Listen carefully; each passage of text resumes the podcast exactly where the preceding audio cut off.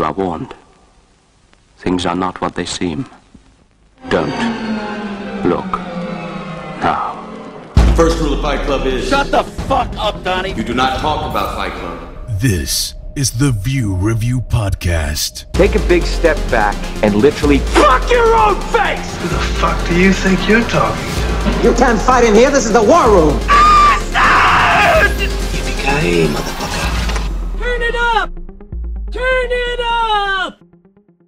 Velkommen til The View Review Podcast, episode 37. Don't Look Now og Alice Sweet Alice. Jeg hedder Kuno, og jeg har sammen med Fluernes Herre, MC Fluen, også bare kaldt for Fluen. God aften, god aften. Med os er også uh, The Couch Killer himself, Christian Couch Killer, også bare kaldt for CK. Good evening, my friends. Good evening. Den sprøde stemme, du har i dag, CK. Ja, den, øh, ja, holdt op i weekenden af en af mine venner. Så det tager jo flere dage for mig at komme ovenpå igen nu jo. Så Ja, det må det da gøre. Du har jo ingen venner. ja, det er utroligt, man har sådan nogle. Boo. Christ. Nå, Jamen, har du været for smadret til at se film? Nej, nej, nej, jeg har jo haft øh, utrolig mange lektier for jo, så jeg har fået ryddet fuldstændig op i det. Nå, hold da op. Hold nu op. Del endelig. Jamen altså, det er jo... Øh, jeg har haft 12 film, jeg var bagefter øh, i View Review regi. Og blandt andet film, der er hovedfilm på de forskellige cast, jeg ikke har været med til, som jeg har fået set. Nogle anbefalinger øh, med videre, og så også bare generelt øh, set eller du får tæv-agtige ting. Og så ved jeg godt, hvad for en film, jeg tænker på der. Uh, den bliver god. Så lad os starte med den. Skal vi ikke tage den til sidst? Nå, ja, det må du selv om. Fordi jeg vil, jeg vil faktisk øh, starte, fordi jeg regner med, når vi går i gang med de film, som vi har set først, så regner med det rimelig hurtigt, fordi der behøver ikke gå så meget i, i plottet. Så de to, jeg faktisk starter med, det er to koreanske film, jeg i, i sin tid fik af, fik af Kuno på DVD, fordi at han havde fået nogle ekstra af dem af hans, øh, når familie han har dernede fra. Og der, øh, den ene af dem, det er Fighter in the Wind, en koreansk historisk action-drama, øh, som har nogle utrolig flotte kampscener. Og så har jeg vist også sagt positivt, jeg kan sige om den. Øh, det er efter sigende baseret på en rigtig person. Øh, den her koreaner, som kom til, til Japan, og øh, så øh, bygger han sig så selv op som den her store øh, martial arts kæmper blandet med et år, hvor han levede i vildnæsset, hvor han smadrede alle knogler i hans krop, så de voksede sig sammen og blev endnu større og stærkere, så han kunne tæve selv tyre. Øh, meget kendt for i virkelighedens verden at, at slås mod tyre. De var godt nok bundet og halvkastreret og sådan noget, så der var ikke så meget go i dem, men han slåsede dog med tyre. Og jeg havde glædet mig meget til, øh, til den her film her, og den leverede det også i actionsekvenserne. Der var den jo helt op at køre. Rigtig fede kampscener. Men jeg synes godt nok, det var en forvirrende gang vrøvl, da jeg sad og så den. Det var ikke rigtigt til at finde ud af, hvad det var, den ville, og jeg kunne ikke se, hvad den havde noget som helst med, med noget at gøre. Ind tilbage efter, hvor jeg sådan tænkte, det var da underligt, og hvor jeg så gik ind og så læste lidt om, om ham her karakteren, og tænkte, det var da meget interessant, hvorfor var det ikke med i filmen? Hvor jeg så finder ud af, at filmen ikke er baseret på karakterens liv, men den er baseret på en øh, manga-tegneserie om karakteren. Så det du faktisk ser på, øh, på skærmen, som historien følger, det er øh, fiktion baseret på øh, faktiv liv. Så du har to gange fiktionsniveau, hvis jeg forstår, hvad jeg mener. Mm. Og, og det, det var noget værd råd. Altså det, jeg håber på et tidspunkt, at der kommer en, en anden koreansk film om den her dude her, som bare kan sparke røv. Altså, så øh, jeg ved ikke, om Makuno han er enig med mig der, eller om han er dybt uenig. Jamen lad os starte med fluen, for det var fluen, der introducerede mig for den i tidernes morgen. Jeg kan slet ikke huske den øh, så godt. Jeg kan godt huske, at der var nogle fede øh, kampsekvenser deri, men jeg husker det som værende en lunken affære. Ja, jeg har det lidt på samme måde, men jeg kan faktisk ikke rigtig huske det. Jeg havde lov at sige, kan jeg alligevel se den igen til i dag. Det er desværre ikke noget. Sorry. Ja. Men, men jeg skal nok øh, vende tilbage til den. Øh, jeg hus, husker den nu som værende sådan okay. Øh, men nu bliver jeg jo lidt bange, når du siger det der. Men altså, det, ja, det er igen, fordi det man husker som okay, det er fordi de her kampscener, de er sgu gode. Det tror altså, jeg det er, de, er, de, er, de sidder lige i skabet, det gør de. Men så hvis man kan slå hjernen fuldstændig fra, og så øh, ignorere alt andet, hvad der sker på skærmen, så, så er det faktisk en, en underholdende, båndrodet øh, affære, om man så må sige. Men er det så også ren øh, fiktion, at han øh, kom ind fra skoven af, og så gik han til hver eneste dojo, han kom til at udfordre deres bedste kæmper og slå dem? Nej, øh, den del skulle være rigtig nok. Altså det der med, at han jo udfordrede alle. Altså der er jo blandt andet, øh, har jeg læst, hvor han havde... Øh, han havde sådan, jeg tror det var tre dage i stræk, hvor han havde sådan noget, der hed kumite, eller et eller andet i den stil, øh, hvor at han øh, udfordrede 100 mand ad gangen, altså hvor han slåsede to minutter ad gangen med dem her, øh, hvor han selvfølgelig vandt alle kampene, og det gjorde han tre dage i streg altså, og så, så når det slet ikke med i filmen. Altså, der, der er sådan, når, når man går ind sådan, og man, man for eksempel lige tager en hurtig Wikipedia-søgning på ham, og man finder nogle af de her billeder, du ser, hvor du ser, han slås, og han kæmper mod tyre, og, og, og sådan nogle ting, og så tænker man, åh, hvis bare de laver en film om det. Men sådan som jeg husker filmen, øh, nu når jeg lige sidder og tænker over er det ikke noget med, at han på et tidspunkt kæmper mod en ninja, han kommer til at slå ihjel, og så er han sådan brødbetynget, og så, så er det noget med hans, hans liv ud fra det af. Er det, er det ikke det, den handler om, eller hvad? I er en meget lille del af den. Nå, okay. Det har den også. Den har op den der med, med ninjaen der, men det er jo bare en af de der ting, der jeg ikke helt forstår, hvorfor de er med. Altså, mm. øh, det, og jeg må også simpelthen, øh, også skurken, øh, de har i, i, i filmen, som er den her øh, officer, han, han møder, det skal forestille under 2. verdenskrig, han prøver på at blive øh, pilot, det ikke rigtig lykkes for ham, hvor den her japanske officer på stedet, han går sådan hen og bliver øh, nemesisen, hvor han jo det, øh, skal forestille at være øh, hovedansvarlig for karate og ansigtet ud af tæer og sådan nogle ting. Og de ved utrolig mange ting, den karakter, de bare ikke rigtig får ham brugt ordentligt. Altså det er også sådan en, hvor man tænker, det er en interessant, kunne have været en interessant skurk, men, men han fiser sådan lidt ud i sandet. Ligesom resten af filmen for mig. Så. Okay. Men om ikke andet, hvis du ser den igen, Kuno, så... Det, det skal jeg nok gøre. Jeg skal nok få den set, og så får vi den lige vendt igen. Så, så i hvert fald, øh, så har du action scener, så kan du altid sige om det der med historien, om jeg tager fuldstændig fejl. Fordi det var først bagefter, øh, øh, øh, efter jeg set filmen, hvor jeg simpelthen var så jeg kunne ikke forstå, hvorfor den var så rodet. Så det der med, ah, det var fordi, det var baseret på et helt andet fiktivt værk. Yes, den kan vi snakke om, når, vi, når, vi, når du engang har fået den set. Yes. Fordi så vil vi lige slutte af med øh, det her koreanske ting, inden vi går i gang med øh, review-lektionerne. Og jeg fik en DVD også af Kuno, hvor forsiden, der ser du øh, en ældre mand ved siden af en yngre kvinde, og en lille knægt med klap for øjet. Og vi kunne ikke finde ud af, hvad, overhovedet, hvad den handler om. Kuno har før fortalt med de her koreanske DVD'er, han, han har fået... Øh, at øh, der er ikke, øh, altså det står jo med de her skrifttegninger, jeg skal læse, så vi har jo ingen idé om, hvad det handlede om. Det var bare titlen af Family, og man kunne se, der var engelske undertekster på, og så tænkte jeg, okay, det her det kan blive forfærdeligt koreansk drama.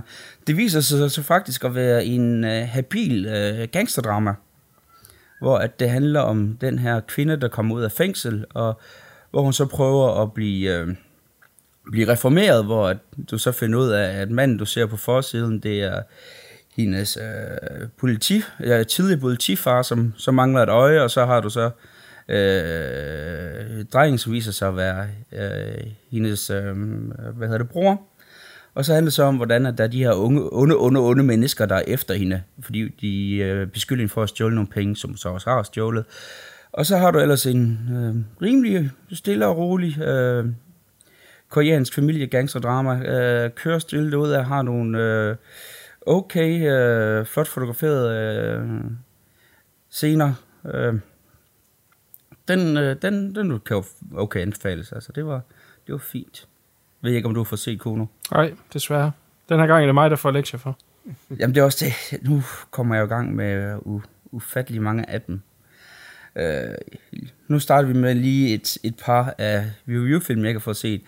Amaya og Strange Color of Your Body Tears øh, har jeg så også endelig fået set. Og nu er det jo ikke nogen hemmelighed, jeg er ikke den store fan af Giallo. Det, det kan vi vist alle sammen godt huske, hvordan jeg var på vores Dario Argento øh, podcast. Men det fede ved de her to film, det er, at de fjerner de ting, jeg faktisk ikke rigtig kan lide ved Giallo-genren.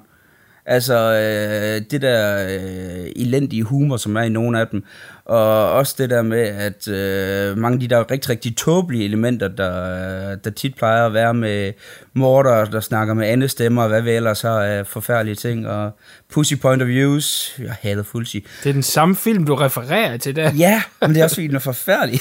ja, ja, det er sådan noget andet. og, og det er også bare, der kan du bare se, hvor mange tåbelige elementer, der kan være i én film. Altså, New York Ripper, hold jer fra den. Uh-huh.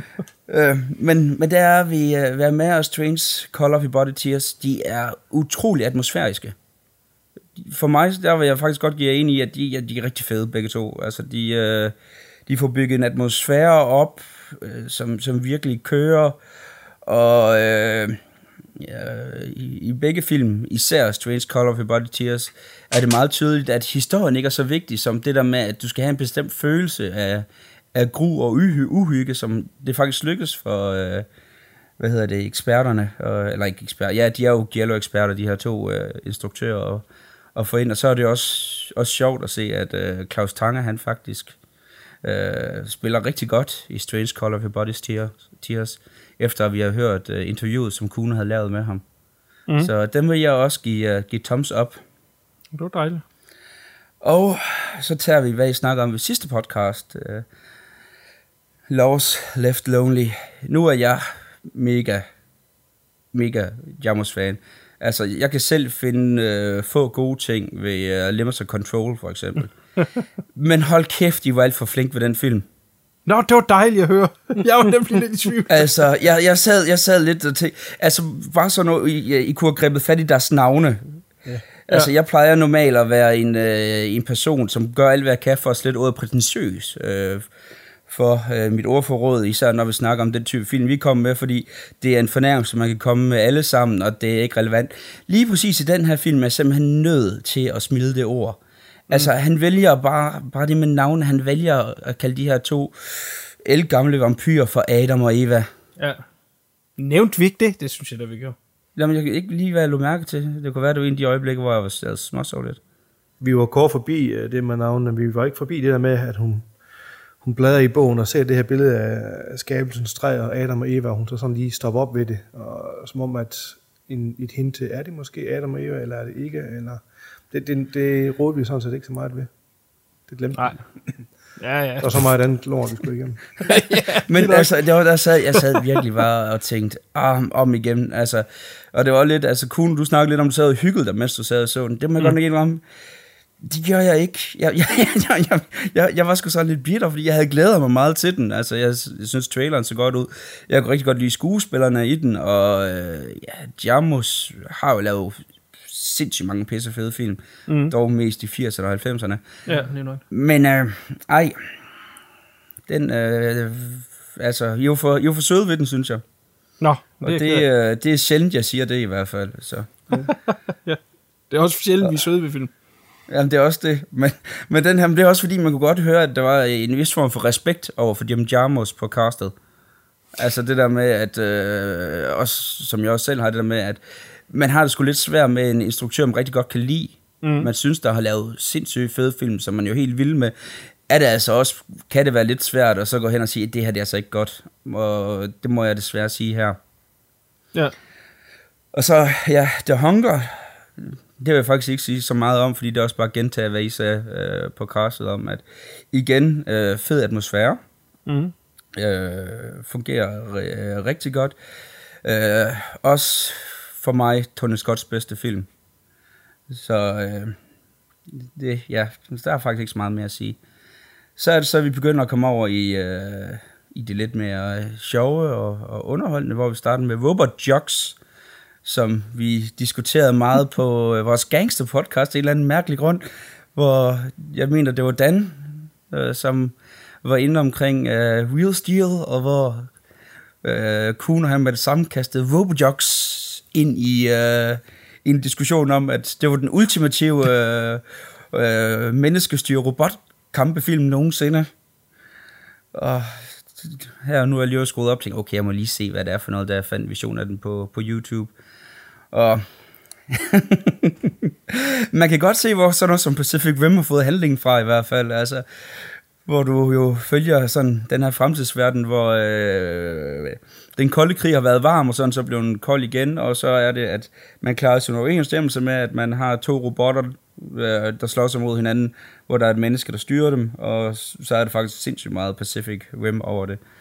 Og den har sgu en 80'er charme, altså effekterne øh, er ikke særlig gode. Det, det, øh, det må man sgu desværre sige. Men til gengæld, den har en 80'er charme. Altså det, øh, for os, der er vokset op med de her øh, 80'er sci-fi med, øh, med, hvad hedder det, øh, øh, på grænsen til det horrible stop motion, så, øh, så er det sgu nostalgisk at se. Så øh, det vil jeg faktisk sige øh, tak for øh, tak for anbefalingen. Det var sgu okay underholdende. Det var lidt. Nu er det, vi skal til at være uenige. Ja, kom. Bojack Horseman. Yes. Jeg har lidt med den. Øh, altså, jeg synes, jeg, jeg var helt skuffet over første afsnit, fordi hvor er det, jeg synes det, for mig er det trist, at den genre, der med de her satiriske øh, tegnefilm, ikke har udviklet sig i, i løbet af de sidste 20 år. Altså, det er jo det samme som for eksempel, hvis man har set sådan noget som King of the Hill, Dogman, hvor du, øh, hvor du selv er inde på. The Critic øh, har, har jeg diskuteret lidt med, med Fluen også. Ja, altså... Nej, jeg havde håbet, at jeg ville komme, komme lidt videre. Altså, den har for eksempel... Øh, sådan noget som for eksempel, du ser i Family Guy, som jo også har 30 forskellige spin-offs, der alle sammen ligner Family Guy hvor at, jamen, så siger det eller andet, så kommer der en lille awkward pause, og så ser du en eller anden lille klip om, hvad der er, de tænker, og så fortsætter man igen.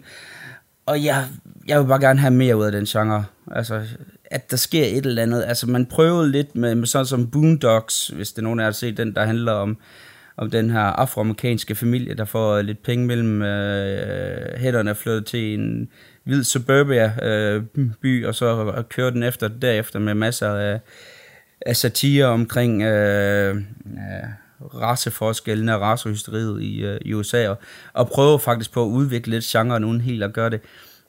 Ej, jeg vil, jeg vil sgu have lidt mere. Så der vil jeg bruge en af, en af Kunus bemærkninger, komme med nogle gange, at nogle gange så er der så mange fede ting i den her verden, man gerne vil nå at se, og så er der bare nogle ting, man må sige, at det kan man ikke nå, og der ryger Bojack Horseman under. Det er i orden. Vi andre har jo ventet den tidligere, så det behøver Ja, så, så den behøver vi ikke sige mere om. Kæft, det går hurtigere, end lige har forventet det her. Jamen, det er fint. Du har da også en lang liste. Jamen, det har jeg også. Uh, Haunted Honeymoon, som jeg også har snakket om på et podcast. Det er fantastisk film. Hvor mange år siden har du set den, Kuno? Jamen, den ser jeg øh, gerne en gang om året. Gør du det? Ja, den er fantastisk. Jeg står ved det. Okay, den skal vi altså se sammen så på et tidspunkt. Ja. Fordi uh, Haunted Honeymoon med Gene Wilder, og oh, hvad er det nu, hun hedder? Hans kone der, der døde af kræft. Øh, ja, det er for ringe, jeg ikke kan huske det. Sorry. Ja, øh, ja, hun var blandt andet øh, kendt for Saturday Night Live, og hun faktisk er en af de eneste kvinder, der har vundet en Emmy øh, for den serie. Øh, utrolig sjov kvinde også. Hvor at det blev en kæmpe fiasko i sin tid, fandt jeg ud af bagefter. Ja. At det var blandt andet var med til at slå hendes karriere ihjel. Gene Wilders overlevede, øh, bizarrt nok. Øh, men det er den der lidt, lidt sjove rammeting, der er med, at, at du har det her øh, radioshow, der kører rundt, og, og sådan nogle ting. Altså, jeg var nødt til at se den to gange. Mm. For, for simpelthen fordi, at der er, når du ser den, der er noget med lydmixet, hvor man sidder og tænker, det er godt nok overdrevet og bizart. Men når man så ser slutningen, som jeg ikke vil spoil her, giver det faktisk mening, hvorfor de har valgt med det lydmix. Altså der er især i nogle af, af de store sådan, øh, klimatiske scener, hvor øh, hvis man lige lukker øjnene et øjeblik og bare lytter til, hvad de bruger af, af lyd med videre, hvor man tænker, hvad laver de? Men det bliver forklaret faktisk på en, på en ret fed måde. Men jeg har lidt med den film, hvis jeg havde set den som 10-13 år, så havde jeg elsket den. Altså hvis jeg havde set den i, øh, da jeg var en, var en ung furk der i slut 80'erne, de tidlige 90'er, havde jeg synes det var helt vildt sjov. Fordi den har det der uh, Tex Avery uh, atmosfære over sig, som vi har været inde på før, da vi snakkede om, uh, uh, og hvad var den hed, den der, uh, vi snakkede om på et podcast, Crime Wave, Nå, den ja. har lidt den samme stil for, for Crime Wave for mig, det der med, at du har den der sådan lidt tegneserieagtige over, øh, overspil ting. Det kunne jo godt være en Doobie-film. Mm. Og øh, det fungerer hen ad vejen. Jeg havde bare ønsket, at jeg havde stiftet bekendtskab med den for mange år siden. Det tror jeg, den har glædet lidt længere ned, hvor at her, altså, den, den har lidt ting med, med storyline og, og sådan noget, der måske ikke helt fungerer. Men igen, altså en film, der har fået en meget hårdere medfart, end den har fortjent. Ja, helt enig. Helt enig. Men jeg så den jo, da jeg var lille. Det er derfor, måske jeg har fået den ind med modersmælken, om man vil. Jamen, det kan jeg også godt forstå, fordi øh, når jeg ser den nu, altså bliver jeg sgu sådan lidt nostalgisk, uden at, uden at have set den før, det der med, at, at man godt kunne have set, det noget, man har elsket som lille, lille purk i hvert fald. Mhm. Så, så lad, lad det være en halv recommend. Ja, jeg giver den så to og en halv i den anden. så det er tre, tre recommend. Tre recommends her, og så øh, kan det være, at øh, fluen han kommer forbi den en gang, og så kan han sige, om man også recommender den eller ej. Ja. Yes. Så. Men øh, det sidste, øh, jeg vil tage, inden jeg kommer til hovedfilmen, som jeg har lovet, jeg ved ikke, hvor mange podcasts jeg skal se, øh, noget af det, jeg mest vil anbefale, øh, Blue Ruin, som, som Kuno var inde på øh, en gang, der vil jeg sige, Flue, se den film. Få den set. Du vil takke både ham og mig. Mest mig. Eller, jeg er mest Kuno, fordi det var ham, der fandt den til at begynde med. Men, øh, men se den, Flue. Se den, se den, se den, se den, se den, se den, se den. Blue Moon. Blue Moon? Nej, Blue Ruin. Blue Ruin. Og nu kommer vi jo så til, øh, ja, filmen, som dem, der har hørt vores podcast, ved, at drengene har været efter mig. Jeg ved ikke, hvor mange podcast, fordi at jeg ikke, fået, jeg ikke helt kunne huske den, og det jeg kunne huske, at den var ikke særlig positivt. Og så har jeg jo så endelig set Napoleon Dynamite. Hey. Ja, øhm, Napoleon Dynamite. Jeg vil starte med at rose den for, at den har øh, sit helt eget univers. Altså Jared Hess, han, han sørger virkelig for at, at bygge et filmunivers op, man ikke har set før. Altså for mig lige præcis der, så er han meget beslægtet med Wes Anderson for eksempel. Altså med, at de har de her øh, fuldstændig unikke, quirky øh, universer, som, som har nogle andre spilleregler, man er vant til. Og det synes jeg faktisk er rigtig fedt, og det var også godt rosten for. Og så er det jo så det, som jeg jo så havde, havde glemt, hvorfor jeg var lidt lunken over for det. Det er, at jeg har lidt problem med karaktererne. De siger mig så ikke så meget. Jeg fandt ud af, at da jeg så den med tømmermænd, øh, gled det faktisk helt vildt godt ned. Altså der, der sad jeg faktisk og, og kunne hygge mig med, med karaktererne, hvor at hvis jeg skal se den øh, fuldstændig sober, så efter 20 minutter, så begynder jeg at sidde og kede mig lidt. Altså, jeg ville måske hellere have haft den lidt som et, øh, et sitcom, tror jeg måske godt, sådan 20 minutter ad gangen. Det tror jeg godt bedre, den kunne have holdt til, hvor at jeg, jeg synes, den her øh, halvanden time, en time og 45 minutter, det, det bliver lidt for anstrengende for mig med nogle karakterer, som, som sgu ikke siger mig så meget. Altså, øh, Øh, det er lidt det, altså det, det er jo, når du har de her quirky karakterer, så skal de stadigvæk have nogle karaktertræk, øh, som, som også tiltaler en på en eller anden måde. Og det havde de ikke rigtig her. Altså, jeg vil stadigvæk anbefale folk at se den, fordi det er, det er sgu en film, du verden har set før eller siden. Det er sin helt egen, og det er jo altid rart, når man finder sådan noget. Så, øh, så jeg vil faktisk godt recommend den, øh, på trods af, at ja, det godt lige kunne bruge nogle karakterer, jeg lidt bedre kunne lide. Men øh, se den med tømmermand. Det jeg hører dig sige, det er, at filmen simpelthen er så awesome, at du blev nødt til at tage den ind af 20 minutters intervaller, og så lige lade det synke ind i dig, før du så næste. Okay, det kan vi også godt. Vi kan godt sige det på den måde, hvis det er. Jamen, det var det, jeg hørte dig sige. Hvad, var det ikke godt det, du hørte, Flue? Det var lige præcis det, han sagde. Godt. Ja, hvis du så lige tolker den, så, så lader vi den bare ligge det. Udover det sidste lige sige Napoleon Dynamite, den er åbenbart også blevet lavet som en tegnefilmserie, jeg ikke har turde se endnu. Øh, Ja. så, Shit, det kan jeg ikke huske. Var vi forbi det, Fluen? Det synes jeg. Jamen, jeg har ikke set den, men jeg ved godt, der findes en... Uh... den skulle være rimelig ny. Jeg tror kun, det er et par år gammel eller sådan noget. Ja, men jeg tror sgu, jeg har set uh, første afsnit af det, eller et eller andet. Der, der er et eller andet, der ringer, men det er ikke noget, der har sat sig fast på nogen måde, så det er næppe altså, godt. is- især det der med, at jeg lige har øh, havde, havde svinet sådan lidt, hvordan at jeg føler, at den satiriske tegneserie ikke rigtig havde, øh, hvad hedder det, udviklet sig. At der kunne måske være lidt sjovt, det der med at se, jamen, altså når jeg føler lidt det der med, at i små intervaller, så, så havde det været, fungeret bedre for mig, at så kunne det måske ikke være, at det ville fungere for mig i det format. Ja, Så. det kan være, vi skal prøve, og der er seks afsnit, kan jeg se. Åh, oh, så var hurtigt cancelled. Øh, og den kørte i 2012. Så den er forholdsvis ny. Den kørte fra øh, januar 2012 til marts 2012, så det var et kort run. Det lover ikke godt. Nej, det kan det godt ikke. Ja, den har en IMDb-rating på 6,3, så det kan da godt være, at der... Jeg tror måske, det er for, for indforstået, dem der... Ja, det tror jeg også. film, ja. Det er altså lavt for en tv-serie, øh, 6,3.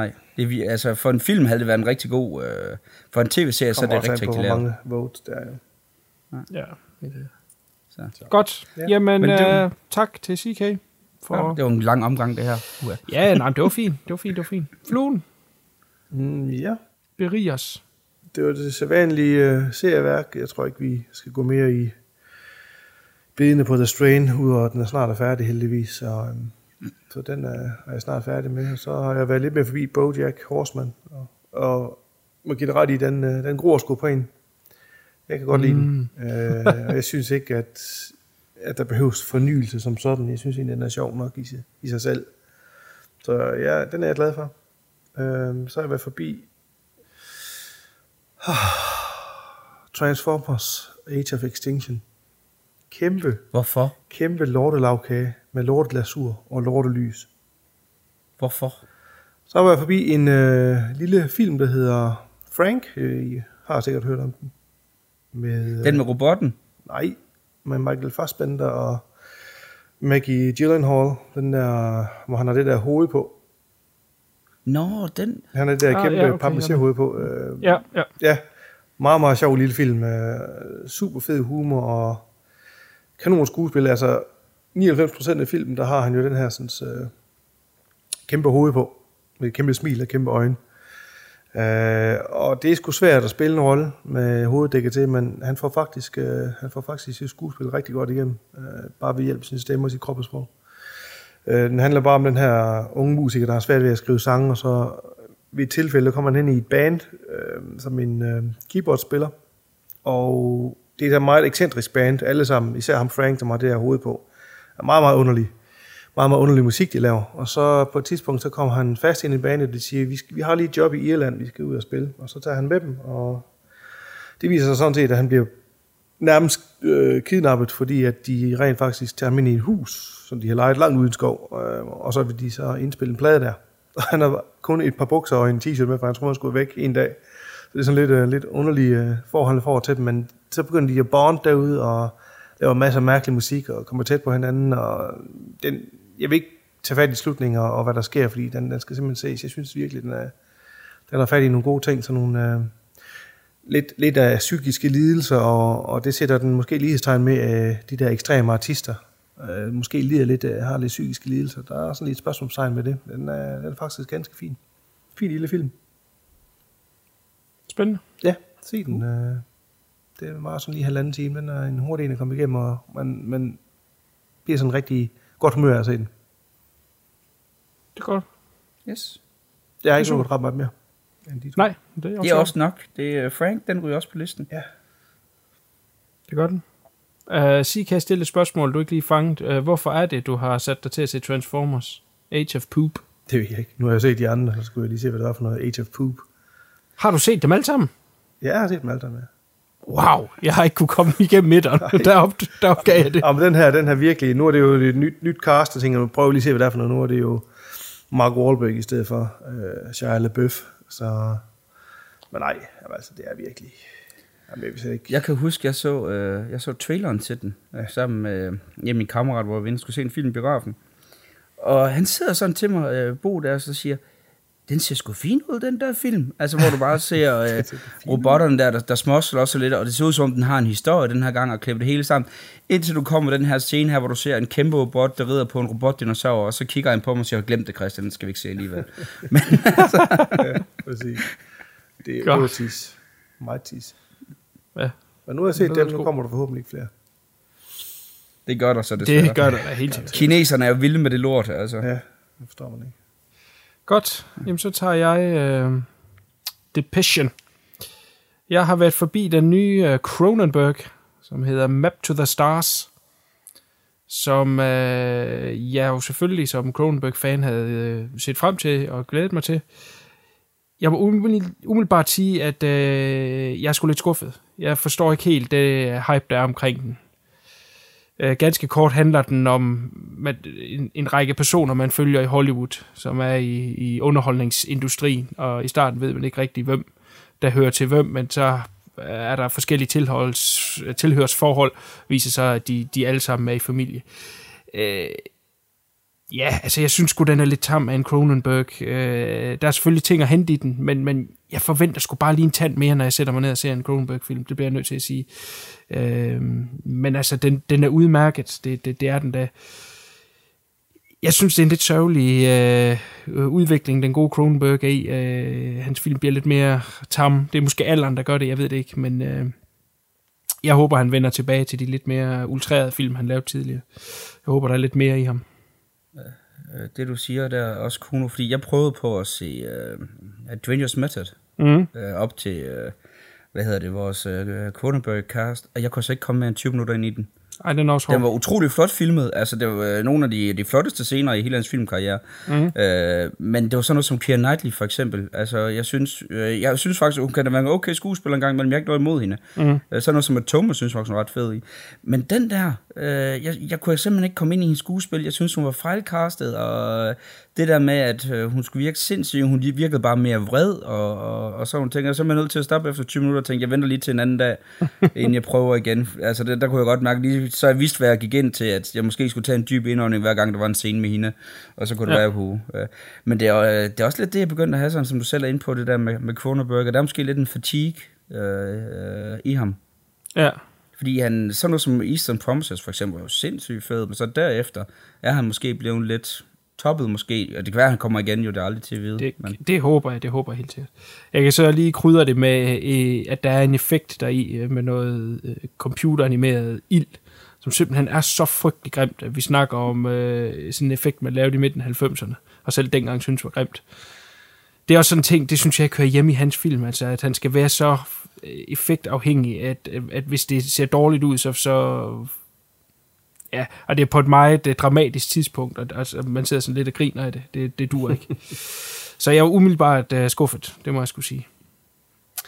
Godt, øh, så har jeg set en film, der er fra 89 af, som er, måske læner sig lidt op af det, vi vendte med øh, Haunted Honeymoon. Øh, det her øh, gensynsglæde. Der er bare det, at jeg har aldrig set den her før, men jeg fik faktisk samme fornemmelse, øh, når jeg så den her film, som er fra den tid. Den hedder Without a Clue, som er en form for Sherlock Holmes spoof, som er normalt ellers ikke så meget for, med uh, Michael Caine og uh, Ben Kingsley. Er det noget, I har set? Jeg er ikke sikker. Uh, det ringer en svag klokke i hvert fald. Er det der, hvor Ben Kingsley han er den kloge af den? Ja, lige nok det. Det viser sig, at Michael Caine, som spiller Sherlock Holmes, er bare en skuespiller, som Dr. Watson har hyret. Han har jo skrevet alle de her bøger om Sherlock Holmes, som, som det også er i, i de rigtige Sherlock Holmes. Øh, problemet er bare, at det er ham, der er den seje. Så, så da øh, der ligesom kom den her offentlige interesse omkring Sherlock Holmes-karakteren, og politiet lige pludselig kom og bankede på hans dør og sagde, vi skal snakke med Sherlock Holmes. Sherlock Holmes, så for ikke at, at, at underminere hans arbejde, så gik han ud og hyre den skuespiller, og det er så uh, Michael Caine. Og, og han er så øh, at den her skuespiller, som er total womanizer og, og, og alkoholiker, og, og han, han er slet ikke til at styre, og en total fuck-up. Og øh, Watson er ved at være totalt træt af ham, og fyre ham egentlig, da filmen starter. Så jeg, jeg kan ikke bruge dig mere, jeg, nu går jeg selv ud, nu skal jeg være the crime doctor. Men, men der er ikke nogen, der kan tage ham seriøst. Hver gang han kommer hen til en crime scene, så er det bare, hvor, hvor, hvor er Sherlock Holmes? Vi kan ikke, der er ikke nogen, der kom til skade her. Vi har ikke brug for en læge. Så han bliver nødt til at hyre ham tilbage igen til en sidste sag, øh, som så er mod øh, Moriarty altså af en, en Sherlock Holmes spoof, som jeg som sagt ikke er så meget for, så, øh, så synes jeg faktisk, den her rigtig hyggelig. Altså, den har det her 80'er hygge. Det er det bedste måde lige at, at sige det på. Øh, det, den er jo en komedie, men det er jo ikke sådan noget fald på halen komedie. Men, man, man klukker lidt, og man hygger sig, mens man ser den. Det, det var en rigtig god øh, øh, halvanden times tid, jeg brugte på det. En ting mere, jeg lige vil pointere, det er, øh, jeg er ikke så stor Ben Kingsley-fan generelt. Øh, han har gjort sig øh, rigtig godt i nogle, nogle film, såsom øh, øh Gandhi selvfølgelig, Schindlers Liste og Sexy Beast. Øh, og så en, vi har været forbi før, der hedder øh, Death and the Maiden. Øh, House of Sand and Fork måske også. Men, men derudover, så er han bare med i nogle gode film, hvor han egentlig bare middel, eller hvad man vil ikke. Altså ikke, hvor han sådan shiner igennem. Men jeg synes her i, øh, nu er den så også tilbage fra 89, der er han nok knap så skuespillersret, men, men man kan virkelig se, at han synes, det er sjovt at lave det her, og det samme med Michael Caine. Altså det, det lyser sådan igennem, at de synes, det er sjovt, det her. Øh, de er et godt makkerpar i den her. Ja, hvad sagde du, Sike? Er det ikke også en af de kendte, øh, kendte instruktører bag den? Nej, det mener jeg ikke. Ikke, at jeg har lige har skrevet ned. Eller er det... Øh, åh, nej, det er fordi, jeg mener også Billy Wilder på et tidspunkt, han lavede ja, en... nej. Nu, jeg, nu blander jeg noget sammen. Det er en helt Ja, det anden gør du. ting. Det gør du. Ja. Han du lavede med også en... Ja, sorry. Øh, det er orden. Øh, men, men den vil jeg i hvert fald lige give en uh, thumbs up, hvis man lige en uh, søndag eftermiddag vil se noget, som uh, ikke kræver for mig, og man som sagt er fan af, af de her 80'er komedier. Godt, så har jeg set en øh, utrolig tynd kop te af en horrorfilm, der hedder At the Devil's Door. Det er en lidt øh, skør til. Det er... Øh, ja, den, den ligger meget godt i den slipstrøm af, af, af spøgelsesfilm, der kommer nu her med øh, Insidious og ja, hvad fanden de nu alle sammen hedder, Paranormal Activity. Men jeg vil dog sige, den, den er ikke så øh, patetisk, som, som, som nogle af dem er i hvert fald øh, Paranormal Activity. Øh, ganske kort handler den om den her ejendomsmaler, øh, kvindelig ejendomsmaler, som øh, køber optionen på at, at sælge det her hus, og så øh, er det hjemsøgt. Og, og det er så noget, hun på en eller anden måde tager med hjem og over til hendes søster, og ja, altså der er sgu ikke noget nyt i den. Man kan godt se den, men der er ikke noget nyt i den. Det, som så gør, at den er interessant, øh, her ved jeg, at CK kommer helt op på den store klinge, det er, at Naya Rivera er med. Og det ved du godt, hvem jeg gør. Og der er helt stille. Jeg ved det godt, men det er fordi, jeg, jeg, kan ikke lide, jeg, kan ikke, jeg ved godt, hvem det er, men jeg kan ikke komme i tanke om det. Hun spiller Santana på Glee. Nej, det kan jeg ikke huske. Det kan du ikke huske, så har du aldrig set Glee. Jamen, jeg, så, jeg har jo set de første par afsnit, eller på første par sæsoner af Glee. Det er mange år siden jo. Ja, men det er det også for mig, men man glemmer ikke hende øh, i, i cheerleader-uniform. Øh, sådan en uh, spaniolerpige, der er utrolig smuk. Åh, oh, du har ret. Ja, uh, uh, mm, ja. Yes, jeg er oppe Så, nu. ja, og så uh, hendes søster spilles af en skuespiller inde, hvis navn jeg ikke kan finde udtale, men det er hende, der spiller Maria i Maria Full of Grace. Så hun er også uh, lidt på et. Ah, cool. Det er gode, øh, gode unge Ja, ja, helt sikkert, og, og den del, den, øh, den fejler som heller ikke noget. Men, men det er lidt i det, man har bare set det så mange gange. Altså, man keder sig sgu lidt. Hvis man aldrig har set en horrorfilm før, så kan det være det bedste, jeg nogensinde har lært. Så har jeg en chance. Så har du en chance. Godt. Så skal vi til noget, jeg, vi skal have nærmest taget, eller jeg har taget tilløb til. Gemt til, til allersidst. Det er nemlig øh, en utrolig ringfilm, jeg har set, som jeg synes, vi næsten skulle fejre med en, med en lille special. For 10 år siden, jeg var tilbage og tjekke op på det, der så jeg i biografen en film, som øh, jeg dengang målte som standard til, at alle dårlige film, de skulle måles op imod. Den hed Van Helsing med Hugh Jackman og Kate Beckinsale. Det er en film, som... Altså, det er en Hollywood-film, det vil sige, der er masser af penge i den, og der er masser af quote-unquote talent bag. Når, når, når de to ting mødes, og der kommer sådan en gang puha ud af den anden ende, for mig, så er det simpelthen øh, spild af alt. Altså spild af talent, af tid, og min tid, og penge, og derfor har jeg simpelthen målt den som værende en af de ringste film. Jeg synes bare, det var støj og, og ja, lort ud over alle grænser. Og jeg simpelthen altid målt den op mod øh, dårlige film. Så siger ah, ja, men den er sgu ikke lige så dårlig som øh, Van Helsing. Eller hvis du tror, du har set en dårlig film, så skal du kraftedeme til Van Helsing. Men nu, 10 år efter, er der kommet en ny, der har taget kronen. En udfordrer kom ind og tog kronen. Og den skal vi vende lige om lidt. Men jeg holder lige lidt på titlen endnu. Må jeg sige noget til Van Helsing? Ja, det må du gerne, og bagefter så må du gerne komme med, øh, jeg har jo bedt jer om at, at umiddelbart øh, komme med jeres øh, værste film nogensinde, men du må gerne starte med Van Helsing. Fordi jeg har lidt det der med, jeg, jeg vil ikke være uenig med dig i, det er en dårlig film, men jeg må faktisk indrømme, der er for mig er det lidt en guilty pleasure. Nej. Altså det er lidt, altså det er lidt der med, fordi jeg kan se, hvor Steven Sommers han kommer fra. Altså det er jo lidt det der med, at alle de der film, man har, øh, man har set af Universal Horrors med videre, altså for eksempel, hvor at, og, og westerns, altså man kan se, at han har tænkt sådan lidt, siden han har set en, en, en westernfilm, hvor han har tænkt, åh, oh, nu er indianerne efter øh, diligencen, men det kunne ikke være fedt, hvis man satte ild til diligencen, og hvad nu hvis indianerne, det var en varulv?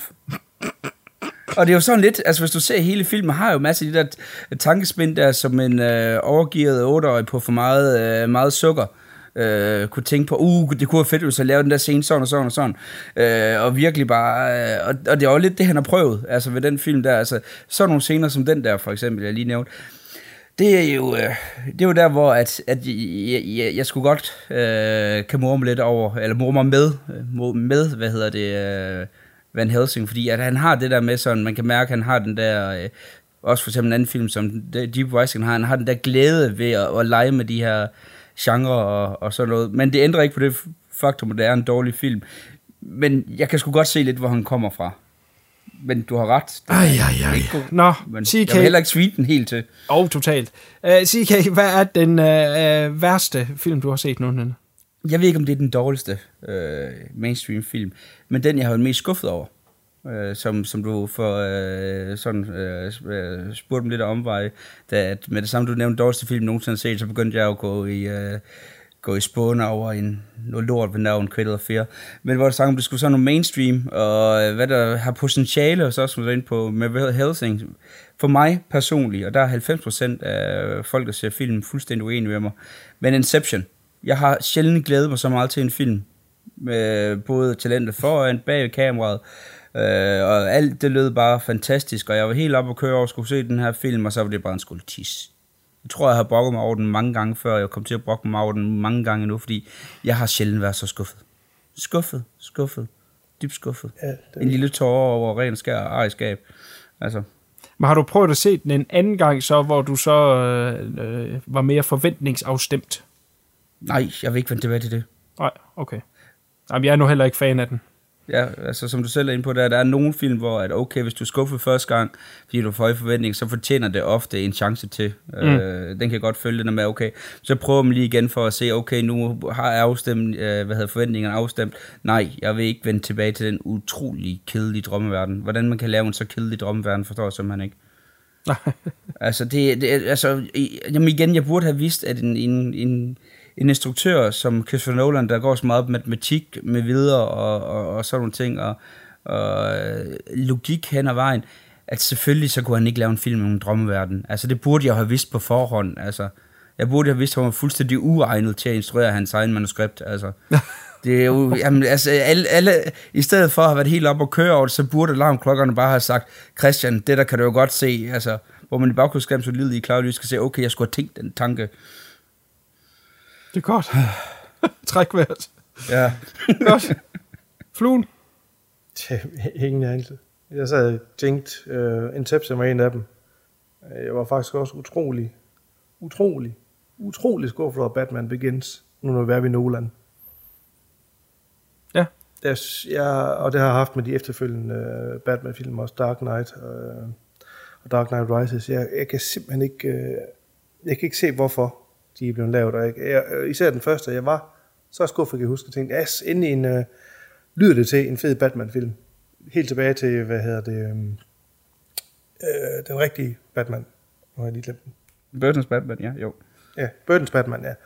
Så der var jeg virkelig øh, hype på, at det skulle være en... Øh, jeg, jeg synes virkelig, den er ring. Jeg synes virkelig, den er ring, og alle folk de hader mig som pesten, når jeg siger, jeg synes, det er det mest kedelige, kedelige lort, der er lavet af Batman-universet. Jeg synes virkelig, den er kedelig. Ja. Jamen, jeg har tendens til ikke at ret, så det skal du ikke være ked af. Jamen, jeg kan ikke forstå, jeg kan ikke forstå det. Jeg kan simpelthen ikke forstå, hvorfor jeg bliver sat sådan for hate, når jeg siger det. Folk de synes, jeg er sindssyg. Det er ikke derfor, jeg ikke kan lide Fluen. Nej, nej, men også bare, også bare Dark Knight Rises, altså sådan, den sidste af dem, og, jamen, også, det var næsten værre, altså jeg, jeg vil sige med de der øh, Nolans Batman-film, Batman Begins synes jeg var udmærket underholdende. Altså, øh, jeg, at folk ikke kan lide den, ved det synes jeg, det er helt fair and square. Altså, øh, jeg var sgu okay underholdt. Øh, Dark Knight, der to synes jeg var øh, abnorm øh, fed. Men det var fordi, der sad jeg faktisk den første halve time og kedede mig. Øh, og så lige pludselig, øh, der kommer en scene, hvor, øh, hvad hedder det, øh, Heath Ledgers øh, Joker, han virkelig kommer frem, hvor jeg sad og tænkte lidt der med øh, første halve time i filmen, hvorfor er han så hyped i den her rolle her? Han bringer jo ikke noget til, til bord. Og så kommer der en scene for mig, hvor jeg tænker, okay, fair nok, det er bare ren og skær kaos, den her karakter kan jeg rigtig godt lide. Dark Knight Rises har jeg altså også lidt problemer med. Øh, jeg var stadigvæk okay underholdt, da jeg, da jeg så den i biografen. Det var jeg simpelthen ikke. Men ja, jeg havde forventet mere af den. Jeg var sgu lidt skuffet over den også, det vil jeg godt sige. Der er nogle ting, de godt kunne gøre bedre. Jeg vil gå så langt og sige, at jeg er ikke nogen af de tre, der, der faktisk, rent faktisk har underholdt mig. Det er sorry, men det er der virkelig ikke. Det er godt. Det skal du stå ved. Ja, bliv ved med det. Ja, endelig. Nu får vi sikkert rigtig, rigtig mange dislikes, men det er der ikke noget ved. Ja, ja. Og det har vi i forvejen, så whatever. Nej, vi har ingen likes. Ingen. Heller ikke det. så hvis vi får nogle dislikes, så er det bare på dislikes, til os. yeah. Men nej. Godt. Yes, jeg takker. Øh, som, som CK lige strejfede kort, så var det ikke bare at sige den dårligste film som så, fordi jeg synes, altså, når folk kommer til mig og siger, øh, at de har set, øh, ja, for eksempel Batman, der, det er den dårligste film nogensinde, hvis man ikke ser det op mod, hvad muligheder de har haft økonomisk, ja. så er det klart, så er banen noget større, og så vil jeg sige, jeg har set nogle af de dårligste film, nogensinde er lavet på hele den her jord. Film som Das Koma Brutal Duel, uh, Mac 10 Rapid Fire, Mad Dog, der er vi ude så noget, hvor at det er lavet for en femmer. Men, men man kan sige, de havde jo heller ikke mulighederne for det. Præcis. Så derfor så er hellere at sige, hvem havde mulighederne og fucket det op. Mm. Og nu kommer jeg så med min afsløring af, hvad det her stykke tis, som for eftertiden, øh, måske er det hver 10 år, der kommer sådan en film, hvem ved, men i hvert fald de næste mange år, jeg vil måle dårlig film op imod. Den hedder Now You See Me. Er det den med... øh, Nej, jeg ved faktisk... Jo, er det ikke en af de der unge teenagepiger, der er med i den? Uh, nej, det er... Uh, ja, eller jo, der er... Ja, jeg ved sgu ikke, om hun er en ung pige. Åh, oh, det er tryllekosterfilmen, er det ikke? Det er en tryllerkunstnerfilm, Åh, ja. som er så himmelråbende elendig. Sjældent er der en film, der taler så meget ned til dets publikum. Altså, i, i gamle dage, der lavede man jo alt muligt i film, øh, øh, science fiction film og sådan noget der, fordi folk vidste ikke ret meget om teknik, så man kunne fandme bilde dem alt ind, og så troede folk på, åh, oh, det kan nok lade sig gøre, ikke? Så er det også i orden, at film tager sådan nogle friheder forhold til virkeligheden, for at gøre det underholdende. Men når vi er ude på et stadie, som er så latterligt overdreven, at de prøver at sælge mig en historie om de her tryllekunstnere, som bare kan alt. Altså, der er intet, de ikke kan. Altså, man bliver så hissig. Man sidder hele vejen igennem filmen og er så fucking hissig. Og den eneste grund til, at jeg så den færdig, det var for at kunne advare folk på det her cast mod den her forpulet, elendige film. Den har øh, Jesse Eisenberg, øh, fattigmands Michael Cera i hovedrollen, sammen med Mark Ruffalo ja. og Woody Harrelson, Morgan Freeman og Michael Caine. Altså, det var helt utroligt, at de har kunne samle de her folk i den her forpulede film. Jeg kan så trøste med, at der kommer en tor. Ja, det kommer jeg til til sidst. Nå, okay. Nu laver du en CK og hopper i det. Ja. Så kan man spørge sig selv, hvor dårlig er den her film rent faktisk? Og derfor har jeg på bedste øh, dybvad maner skrevet nogle ting ned. Jeg kan godt nok ikke fylde et minut, men jeg skal fylde det så godt jeg kan. Hvor dårlig er den her film? Den får Oceans 13 til at ligne Oceans 12. Den her film er så dårlig, at selv Nicolas Cage ville takke nej tak til en rolle i den. Den her film er så dårlig, at Jaws 4 The Revenge ikke længere er Michael Caines dårligste film. Den her film er så dårlig, at jeg hellere vil se Hammerslag Marathon med Frode Munchsgaard. Den her film er så dårlig, at jeg hellere vil se CK lave øh, den berømte dans fra Flashdance. Den her film er så dårlig, at 1 time og 40 minutters waterboarding-tortur er mere underholdende. Den her film er så dårlig, at den får Star Wars julespecial til at virke gennemtænkt. Den her film, den er så dårlig, at det er sjovere at tælle Paprika Stens mange kalkunhager. Den her film, den er så dårlig, at det er sjovere at smøre sit skridt ind i pedigree og gå ind i et bur med kamphunden. Den eneste måde, den her film den kan blive underholdende på, er hvis Karl Marr laver en genindspilning, hvor kun hans pik spiller alle rollerne. Og som fluen selvfølgelig sagde, så kommer der en tor til dette stykke højbelagte puha. Og hvad er så chancerne for, at den her film den kan blive bedre end etteren? Den er omtrent lige så stor, som at hvis CK han bliver bedre til at twerke end Miley. Og det er, hvad jeg har at sige om Now You See Me, som er et stykke stinkende lort. Jamen, det er ret sjovt, fordi øh, alle anmeldelser, jeg har læst den film, har været ualmindeligt hårde ved den. Men stadigvæk publikum, de, de lapper den i sig som kattegrus. Ja, men hvis du kun er 12 år, og kun besidder to hjerneceller, øh, så vil du sikkert synes, åh, det er sejt.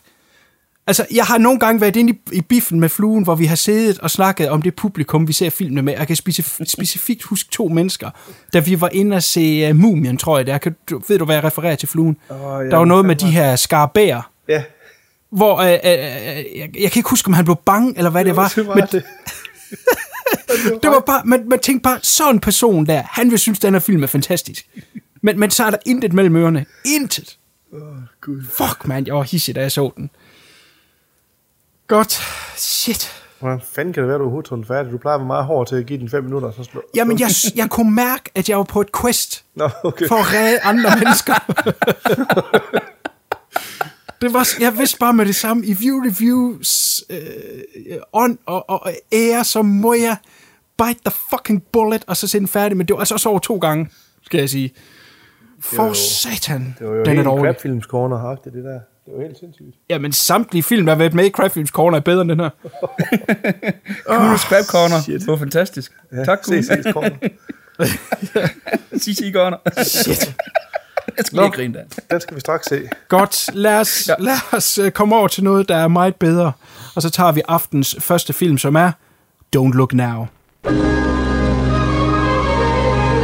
They say seeing is believing, but only a split second of time separates the past from the future. The present is crushed between them. A thin thread of life in a skein of death.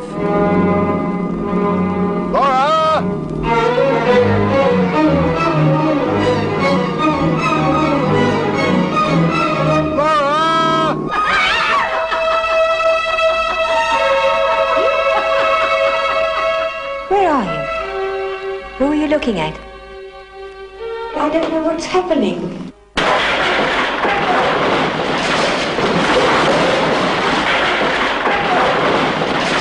You are warned. Things are not what they seem. Don't look now. What is it, Mr. Baxter? What is it you fear? Find him. It's a friend. You must find him. You must warn him back. It was a warning. It was Christine. She was trying to warn us. Your life is in danger while you're in Venice. What is it you fear? Christine is dead. She is dead.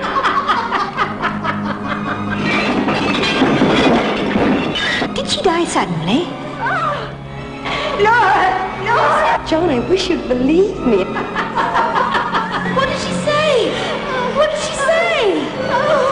She is dead. You must find him. Dead, dead, dead, dead, dead. You are warned. Things are not what they seem. Don't look now.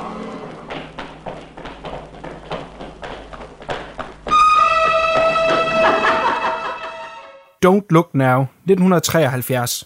Et ung ægtepar mister deres lille datter i en drukneulykke på deres idylliske landsted i England. For at få en ny start og lægge tragedien bag sig, flytter de til Venedig, men denne by med de lange skygger og de krogede kanaler viser sig kun at være begyndelsen på et nyt mareridt. Yes, Don't Look Now, det er en af mine store personlige favoritter, og jeg har øh, gemt den og glædet mig til, at vi skulle snakke om den i dag. Øh, meget spændt på at høre, hvad panelet siger rundt. Jeg har jo hørt lidt knagen, så, øh, men øh, lad os lige vente med knageren, og så hopper vi over til øh, fluen. Din umiddelbare tanker omkring øh, Don't Look Now. Ja, men det var jo ikke første gang, jeg har set den. Øh, men det var en af de her film, hvor, hvor gensynsglæden, den var, den var stor. Øh, virkelig en, øh, en, en trist og melankolsk øh, film, men, men stadigvæk med, med et glimt af håb un- undervejs. Øh, jeg elsker den her måde, at de bruger Venedig, som du siger, med, det, med de lange kanaler og de krogede øh, hjørner. Og, altså, den er meget farveløs og øh, mennesketom by der. Øh, de bruger den virkelig til at, til at stadfæste den her sådan, øh, atmosfære. Øh, super, super godt gensyn, og det er, det er en lille perle i, i horror slash thriller genren, vil jeg sige. Det er nemlig rigtigt. Mm. Lad os høre, hvad øh, onkel C-Case han har at sige. Nu skal det knas. Altså, Don't Look Now, det er jo en, en af de største øh, ansette klassikere blandt både cineasterne og filmbumserne. Altså, den, øh, det er en af de her film her, som, som mere eller mindre øh, næsten alle er enige om er absolut fantastiske. Øh, virkelig elsket, også en af de mest citerede film. Altså, selv øh, en popprinsesse som Sophie Alex Baxter laver en musikvideo, der hentyder tilbage til den her, og, og, og, og alt det der. Så det er en, en film, der er øh, virkelig, virkelig elsket.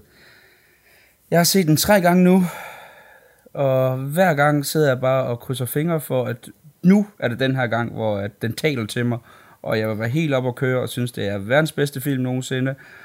Og hver gang må jeg desværre sige, at den taler sgu ikke rigtigt til mig. Det, det, det, og det er også en af de ting, vi, vi nok kommer ind på, når vi begynder at, at, at, at snakke om det, fordi det er ikke en film, jeg hader overhovedet. Den siger mig bare ikke særlig meget. Og det håber jeg på, at når vi har den her podcast, at, at vi kan få en, en, en dialog om, jamen, hvor er det lige, at min personlige smag, den går galt i byen? Det er vi andre også interesseret i at finde ud af. så for jeg har selv et bud, men... Nå, okay. Det kan vi tage lidt senere så. Ja. Godt. Nej, øh, øh, det er bestemt heller ikke første gang, jeg har set den her film. Som sagt, øh, en af dem, jeg har rigtig kær. Øh, jeg kan huske, det var sådan en... Øh, da man var mindre, det, der, der vidste man, det var en klassiker, og man var sådan lidt... øh, Jeg ved ikke, om man vil sige, man var bange for, at man skulle se den, ikke? Men der var måske lidt æresfrygt over at se den, og... Øh, der, der er jo flere ting i den her, man kan sige, som, som et ungt menneske, måske endda især en ung dreng, kan warp ens mind i, i nogle af de øh, redselselementer, der er i film, øh, visuelle indtryk, men der er jo selvfølgelig også den her øh, elskovsscene, som vi nok strejfer senere, som har været med til at forme ens øh, ungdomssind. Øh, så, så det er en film, der har betydet meget for mig, og, og altid har fulgt mig. Øh, jeg kan ikke huske, om jeg havde den i, i, i Laserdisc-dagene, men, men i hvert fald har jeg sådan rimelig fulgt den, øh, de forskellige formater, som nu bliver udgivet på, og øh, jeg elsker at se den hver gang, og, og jeg vil ikke sige, at der sådan nogle nye ting, jeg, jeg finder hver gang, men, men der er måske øh, nogle ting, jeg lægger mere vægt på fra gang til gang, og, og, og derfor elsker jeg at, at se den igen, og, og fordybe mig mere i den. Jeg synes, det er en af de vigtigste film, øh, vi har haft her på, på castet. Der, der, er så mange ting i den. Øh, nu skal vi fatte os nogenlunde i korthed her i dag, men altså, jeg vil jo kun, når vi når til, til sidst, der skal anbefale altså noget, der sige, at man skal komme ud og se den, og, og fordybe sig i det, har man ikke, øh, har man ikke fået den set endnu. Og der vil jeg også lige sige, at, at, at vi kommer til at snakke så meget på kryds og på tværs omkring filmen, at man skal altså have set den før, så jeg smider allerede en spoiler øh, warning nu. Øh, øh, stop den, se den, og, og så vend tilbage. Og helt enig med Kuno, fordi ja. vi bliver nødt, ellers så kommer man til at sidde og sige beep utrolig mange gange. Ja, ja, så er det sådan noget hele tiden, det vender vi tilbage til, det vender vi tilbage til. Til sidst så når vi ikke halvdelen af det. Så, så vi tager bare det hele, når, når vi er ved det, og så, øh, så må vi gå ud fra, at folk, der lytter efter det her punkt, de har, øh, de har set den. Yes. Be warned. Ja. Be warned. Ja, det er en øh, engelsk-italiensk film, som sagt fra 1973, instrueret af en øh, engelsk instruktør, der hedder Nicholas Rogue. Og den er baseret på en bog af Daphne du Maurier, håber jeg udtalte rigtigt, som øh, tidligere havde så øh, ladet sin bøger filmatisere af Hitchcock, øh, The Birds og Rebecca. Så hun var sådan øh, anset øh, forfatter og, og også succesrige øh, filmatiseringer bag sig. Vi følger det her øh, ægtepar. Vi starter øh, i deres øh, idylliske øh, landsted i England, spillet af Dolan Sutherland og Julie Christie, som jo var sådan store stjerner i 70'erne. Jeg, øh, Donald Sutherland måske knap så meget som Julie Christie, fordi hun har listing over ham i filmen. Ja. Det er sådan lidt sjovt, når man tænker på det nu, fordi der, øh, alle kender Donald Sutherland, men nok ikke så mange, der kender mm. Julie Christie trods alt. Jeg tror, det har noget at gøre med, at hun har haft film som for eksempel Darling og hvad er det nu, den hedder? Øh, den der øh, russiske ting der, øh, The Malane. Dr. Zhivago? Ja, Dr. Zhivago, ja. Mm. Altså, hun har haft de der øh, store film, hvor, altså især Darling er hun rigtig fed i, som den her hysteriske øh, wannabe øh, Hollywood starlet. Der, er hun, der giver hun en kanon, øh, hvad hedder det, præstation. Men der havde hun jo en rigtig fed, hvor at på det her tidspunkt, Donald Sutherland, var han kendt for ret meget andet end uh, The Dirty Dozen. Det beskidte dusin. Nej, nej. Altså han havde nu ikke den der store body of work, hvor at, uh, på det her tidspunkt, der mener jeg, Julie Christie, hun havde et, et par stykker der, som havde været op og ringe. Ja. Ja, jamen, helt sikkert. Det, men, men altså, det er jo... Altså, jeg har ikke været inde og måle på, hvor meget de har screen time, men, men det føles jo som om, at det er Donald Sutherland, der reelt har hovedrollen. Ja. Han har mere at rive i i hvert fald i hans rolle. Nå, det kan vi vende tilbage til senere. Godt. Men uh, vi er som sagt på det her, uh, det her landsted, og uh, følger, de sidder indenfor Don Sutherland her, han hedder John Baxter i den her film, han sidder og, uh, og arbejder, og, og det er noget med restaurering af kirker, og han sidder og kigger på sådan nogle Øh, hvad hedder det, Dias-billeder, som er taget fra, fra de her kirker, og, og, og laver noter og tegninger ud for dem af. Så udenfor, Markus klipper lidt mellem, de sidder indenfor øh, og har en samtale, til vi klipper udenfor, hvor deres to børn er, det er en øh, ung pige, jeg tør ikke sige, hvor gammel hun er, jeg, som jeg har sagt tidligere, jeg er ikke så god til at navn, eller aldersgive børn, men jeg vil gætte på en 8-9 år, er det helt galt? Ah, det er nok ikke. Ja, jeg tror, du har ret. Godt. Og så en dreng, der måske lige er et par år ældre. Og de løber rundt ud på det her kæmpe stykke jord, de har til. Øh, klipper frem og tilbage. Og, og i den måde, det er klippet på, men det samme kan man jo godt mærke, at der er noget ildevarsel, der skal til at ske et eller andet. Og hvad det præcis er, det ser man faktisk ikke, men man ser til gengæld Don Sutherland, John Baxters øh, reaktion på noget. Han spiller noget vand ned over en af de her dias-billeder, og så øh, kigger han på det, og så flyder der ligesom en farve ud fra, øh, eller lige inden han set på billedet, der er sådan en, en, en person i en rød jakke, der står over i siden. Ikke noget i sig selv, men man kan godt se, at han er sådan lidt, der er noget underligt ved det. Og så da der er spildt her på, så kommer den her farve ud af den her røde jakke. Og det er som om, at det alarmerer ham om et eller andet, og så løber han bare instinktivt ud. Og det viser sig så, at øh, pigen, som legede med en bold, kastet nu i en sø, er druknet. Og, og, og det har han simpelthen instinktivt kunne mærke inden. Og det er så mm. det, der øh, gør, at de får smertemæssigt kommer ovenpå, øh, lukker deres landsted ned, og så tager øh, til Venedig, hvor han så kan arbejde på noget kirkerestaurering. Øh, der vil jeg gerne stoppe første sted.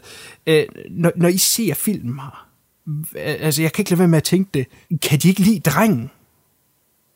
Han bliver sendt afsted på narkosskole. Ja. Det er sådan lidt underligt. Han er bare sådan, whoop, ud af billedet. Jamen det er også fordi, altså nu, når jeg så den her scene her, jeg føler også som om, øh, han er lidt spooky, drengen. Ja. Er det bare mig, eller er han ikke lidt skræmmende? Jo, jo, fordi han gør ikke noget rigtigt. Han står bare og kigger. Det er som om, der bliver hen, antydet nogle ting mm. der, altså mm. du aldrig nogensinde får svar på. Øh, også fordi, så vidt jeg husker, så han bliver nævnt senere i filmen, men du ser ham ikke rigtigt. Øh, men han bliver nævnt i hvert fald. Ja, altså det kan, ja, nu, det, det kan jeg egentlig godt tage nu, men det kommer først senere i filmen, men, men øh, drengen kommer til skade hjemme i England på den her kostskole, og så er det, at øh, Laura, moren, har bliver nødt til at tage hjem til ham, og der sker så nogle ting i Venedig i mellemtiden der, i forhold til handling, kommer vi til senere. Men det er reelt set hans eneste øh, funktion i filmen, det er at få Laura ud af Venedig, så der kan ske nogle ting, mm. øh, som, som, som John-karakteren så skal gøre øh, på egen hånd. Altså det, øh, jeg vil meget nødigt sige noget negativt om filmen, men jeg kan ikke forstå, hvorfor drengen er med. Det eneste, jeg sidder med lidt tilbage, det er, at forældrene er dårlige forældre på en eller anden måde. Ikke? Man mister et barn, ikke? Heldigvis ikke noget, jeg har prøvet. Men man, øh, man kan jo ikke lade være med at tænke, at så vil man gerne det barn, man har tilbage, have tættere på sig. De tager sådan på deres livs rejse, om man vil. Jeg ved godt, at det er for at, at slikke sår om på, på det her store tab. Og især Laura-karakteren er meget tyng. Vi får at vide, at hun har gået til psykolog, hun får nogle øh, piller mod depression. Så sådan, altså, det er heller ikke sådan en badeferie, vel, men, men stadigvæk er, øh, man kan se, at de nyder livet nede i Venedig og spiser på restauranter og, og, og, og nyder atmosfæren og livet der. Øh, det er sådan lidt, I går og hygger jer, drengen er på kostskole i England. Det er sådan lidt øh, selfisk, ja, fordi drengen har måske også brug for at, at komme videre. Ja, lige nok det. Ja, det er rigtigt. Jeg, jeg, jeg føler lidt med, med drengen, altså de, de sætter ham op til noget, det der med, med, det der med jeg synes, han er spooky. Altså mm. det er som om, de, de bliver lagt op til at måske skubber hende eller sådan noget. Jeg ved ikke den måde, som den klipper på i scenen. Nej, det har jeg sgu der, ikke. Altså, jeg ved ikke, for mig er det måske mere som om, at der er et, et, en plottråd, man har ladt ligge. Altså, Ej, det er så for mig føles det som om, der er det, måske noget, man gerne vil, men ikke har kørt det helt ud. Det tror jeg ikke. Det tror jeg simpelthen ikke. Det kan godt være, jeg, jeg, jeg, jeg tager, tager sikkert fejl. Men jeg tror, det, du ligger for mig i øh, det, at han bare er lammeslået over at se det der, øh, fordi det, det vil for, være for stor en. Jamen, det kan godt være, det er hans skuespil, ja, det, det er nok mere der, det, der måske ikke er så godt. Det, I så en film, som er så helt som den er, så vil de ikke lade så en... Ja. Jamen, så, så kan det simpelthen bare være, at det, det er hans skuespil, som, mm, det som lige den scene det tror jeg mere, det er. Ja, jeg synes, det er en skuespil, der er lidt... Øh, ja. Jamen ja, der har jeg faktisk helt øh, tendens til at give uh, øh, CK ret. Øh, notere det, det er sket. Ja. At øh, jeg tror, en del af det er hans skuespil, som er så firkantet, at han kommer til at se lidt kajtet ud, og, og, og, og når man så har den her suspense-scene mm. af, hvad er der sket, og han kommer til at virke lidt følelseskold, jamen så, så kan det måske godt give indikation af, har han gjort noget. Men, men det tror jeg bestemt ikke, han har. Der er mange ting under, undervejs i den her film, som øh, Rogue leger med øh, over for os som, som øh, ser. Men, øh, men, men den der, den kan jeg ikke greje, hvorfor han skulle gøre. Så ja, måske er det bare så simpelt som en øh, meget træagtig øh, skuespiller-performance fra en dreng af. Men, men det er en meget spøjs ting. Øh, og når han så i sidste ende er så ligegyldig, som han nu engang er, øh, så synes jeg, det er lidt synd, at han er med i starten. Øh, Ja. ja. Og ville det ikke også have virket stærkere, hvis de var den her unity af tre? Jo. Faren og moren og datteren, og datteren bliver revet væk. Og så kunne de, hvis det var, at hun skulle tilbage ud af Venedig, jamen så kunne det være, at det var hendes gamle mor, eller et Ja, eller et andet. eller andet. Det- Der er jo de mange havde ting. ikke behøvet broren. Ja, fordi Nej, nej, de nej. virker sådan en lille smule, man får sådan en lille den her øh, følelse af, nå, det er sgu da nogle skodeforældre. Og det, det er lidt synd, fordi det, det, det tror jeg ikke er meningen, at man skal Nej. have den følelse af det. Bestemt. Så, så det, de Nej. kun ved de tre, så havde det været helt sikkert været mere stærkt. Ja, helt, helt enig. Godt, lad os forlade uh, broren der. Mm. Uh, ligesom forældrene gjorde. Ja, Så, vi, vi klipper så til, øh, til smukke Venedig, hvor øh, vi med det samme kommer ind i øh, Johns arbejde, som er at, restaurere de her øh, kirker, eller en bestemt kirke er det, hvor øh, øh, han arbejder jo med de her italienere, han kan så også lige øh, til nøds lidt italiensk, og, og vi finder hurtigt ud af, at den her kirke, den er øh, i en meget slem stand, og, og det, er en, det er en ret stor opgave. Jeg ved ikke, hvor længe det skal forestille. Det er om vinteren, de er dernede. Er det ikke, er det ikke den opfattelse, jeg har også? Det er out of season. ah, det er, det er sådan Jo. lige sidst på efteråret. Ja, for hotellerne er ved at lukke og sådan noget der. Ja, så der er ikke så mange lige, mennesker. Lige før man kan mærke, at frosten kommer i luften. Så lige der omkring, hvor... Ja, og det er jo også det der med den atmosfære, Ja, den, den, den præcis. prøver på at stille forfald, filmen, den, den prøver på at opnå hele vejen igennem, Mm. og det er også det der med der eftersætning, du har det her stille forfald. Ja, ja lige nok det. Og der er han jo så nede sammen med, med konen. De møder øh, præsten, som, som har kirken. Øh, Øh, en lidt speciel karakter. Nu nævnte øh, CK før, at drengen godt kunne virke lidt suspekt. Øh, præsten har virker hurtigt, som om han har fokus på alt muligt andet, når John snakker om øh, det løbende igennem filmen, om, om forskellige ting, nogle specielle øh, sten, de skal bruge, eller hvad det måtte være. Så, øh, så kigger han hele tiden mere på John, end han gør på, på de ting, han prøver at vise ham, og virker egentlig ligegyldigt. Og John siger også på et tidspunkt, at han virker totalt ligeglad med den kirke. Der kommer jo nogle hints til senere, hvad, hvad det kan være, men, men hvad tænker man lige umiddelbart der? Er det ikke, at han er s- mega skum? Nu har jeg set den her film flere gange, jeg kan ikke lade at tænke det selv, da jeg ser det første gang, eller som så jeg det første gang. Jo, han virker, virker meget fraværende, og mm. han, virker, han virker som om, han har en eller anden hidden agenda. Mm. Melankolsk. Ja. Men jeg tror at måske, det er mere den, at han passer ind i den setting, der, som, som byen er i. Ja. Altså den er den her tåget, som vi snakker om, kolde efterårsdage, og der er ikke ret mange mennesker, og de mennesker, man ser, de er sådan lidt... Man har også lidt på fornemmelsen af generelt de personer, man møder igennem filmen, vi møder en politimand senere, Ja. at det er som om alle er med ind over noget. Ja, præcis. At de alle sammen ved ja. noget, vi ikke ved. Det gør de jo så måske også, men, men øh, det er som om, at alle øh, er med på, på den samme leg, Ja. siger jeg. Nu bruger jeg ikke ordet leg som så, men, men, men, men at alle ved noget. De lægger ind med noget information, som de ikke vil dele. Så de, de sådan med det samme kigger specielt på ham, og det er jo gennemgående igennem hele filmen, er meget spooky. Ja. Nærmest uh, Kafkask, ikke? Jo, det er jo meget spooky. Helt sikkert. Godt. Og så øh, kommer Laura, og de skal ud og spise på den her restaurant. Og det er første gang, vi møder de her to søskende, som kommer til at spille en meget stor øh, rolle i den her film. Det er en øh, blind søster, og så, ja, hendes søster, som ikke er blind. John lægger først, øh, øh, første gang mærke til mænd på den her café, hvor han kan se, at de øh, nærmest overglår ham og, og, og konen. Da de så skal ud på toilettet på et tidspunkt, så, og ikke de går ind i øh, karmen og alt muligt, så vælger Laura at gå med ud for at hjælpe. Og mens hun er ude på toilettet, så siger den blinde søster lige pludselig, ja, mere eller mindre, at hun har en besked fra øh, datteren der, at de skal ikke være så kede af det. Hun er glad. Hun har set dem, øh, datteren, den døde datter, sidde mellem dem ind på restauranten og, og, og være glad. Og, og hun kan beskrive hende ned i, at den røde regnfrak, hun havde på, da hun døde, og hendes lange, lys hår. Øh, det er klart, at alt det her det er meget overvældende for Laura, som da hun kommer tilbage til bordet, jo så besvimer. De her karakterer her, øh, to søstre her, det er i hvert fald også nogen, der bliver fremstillet på en meget bestemt måde. Jeg ved ikke, om I lå mærke til, hvor tit man ser dem i spejle.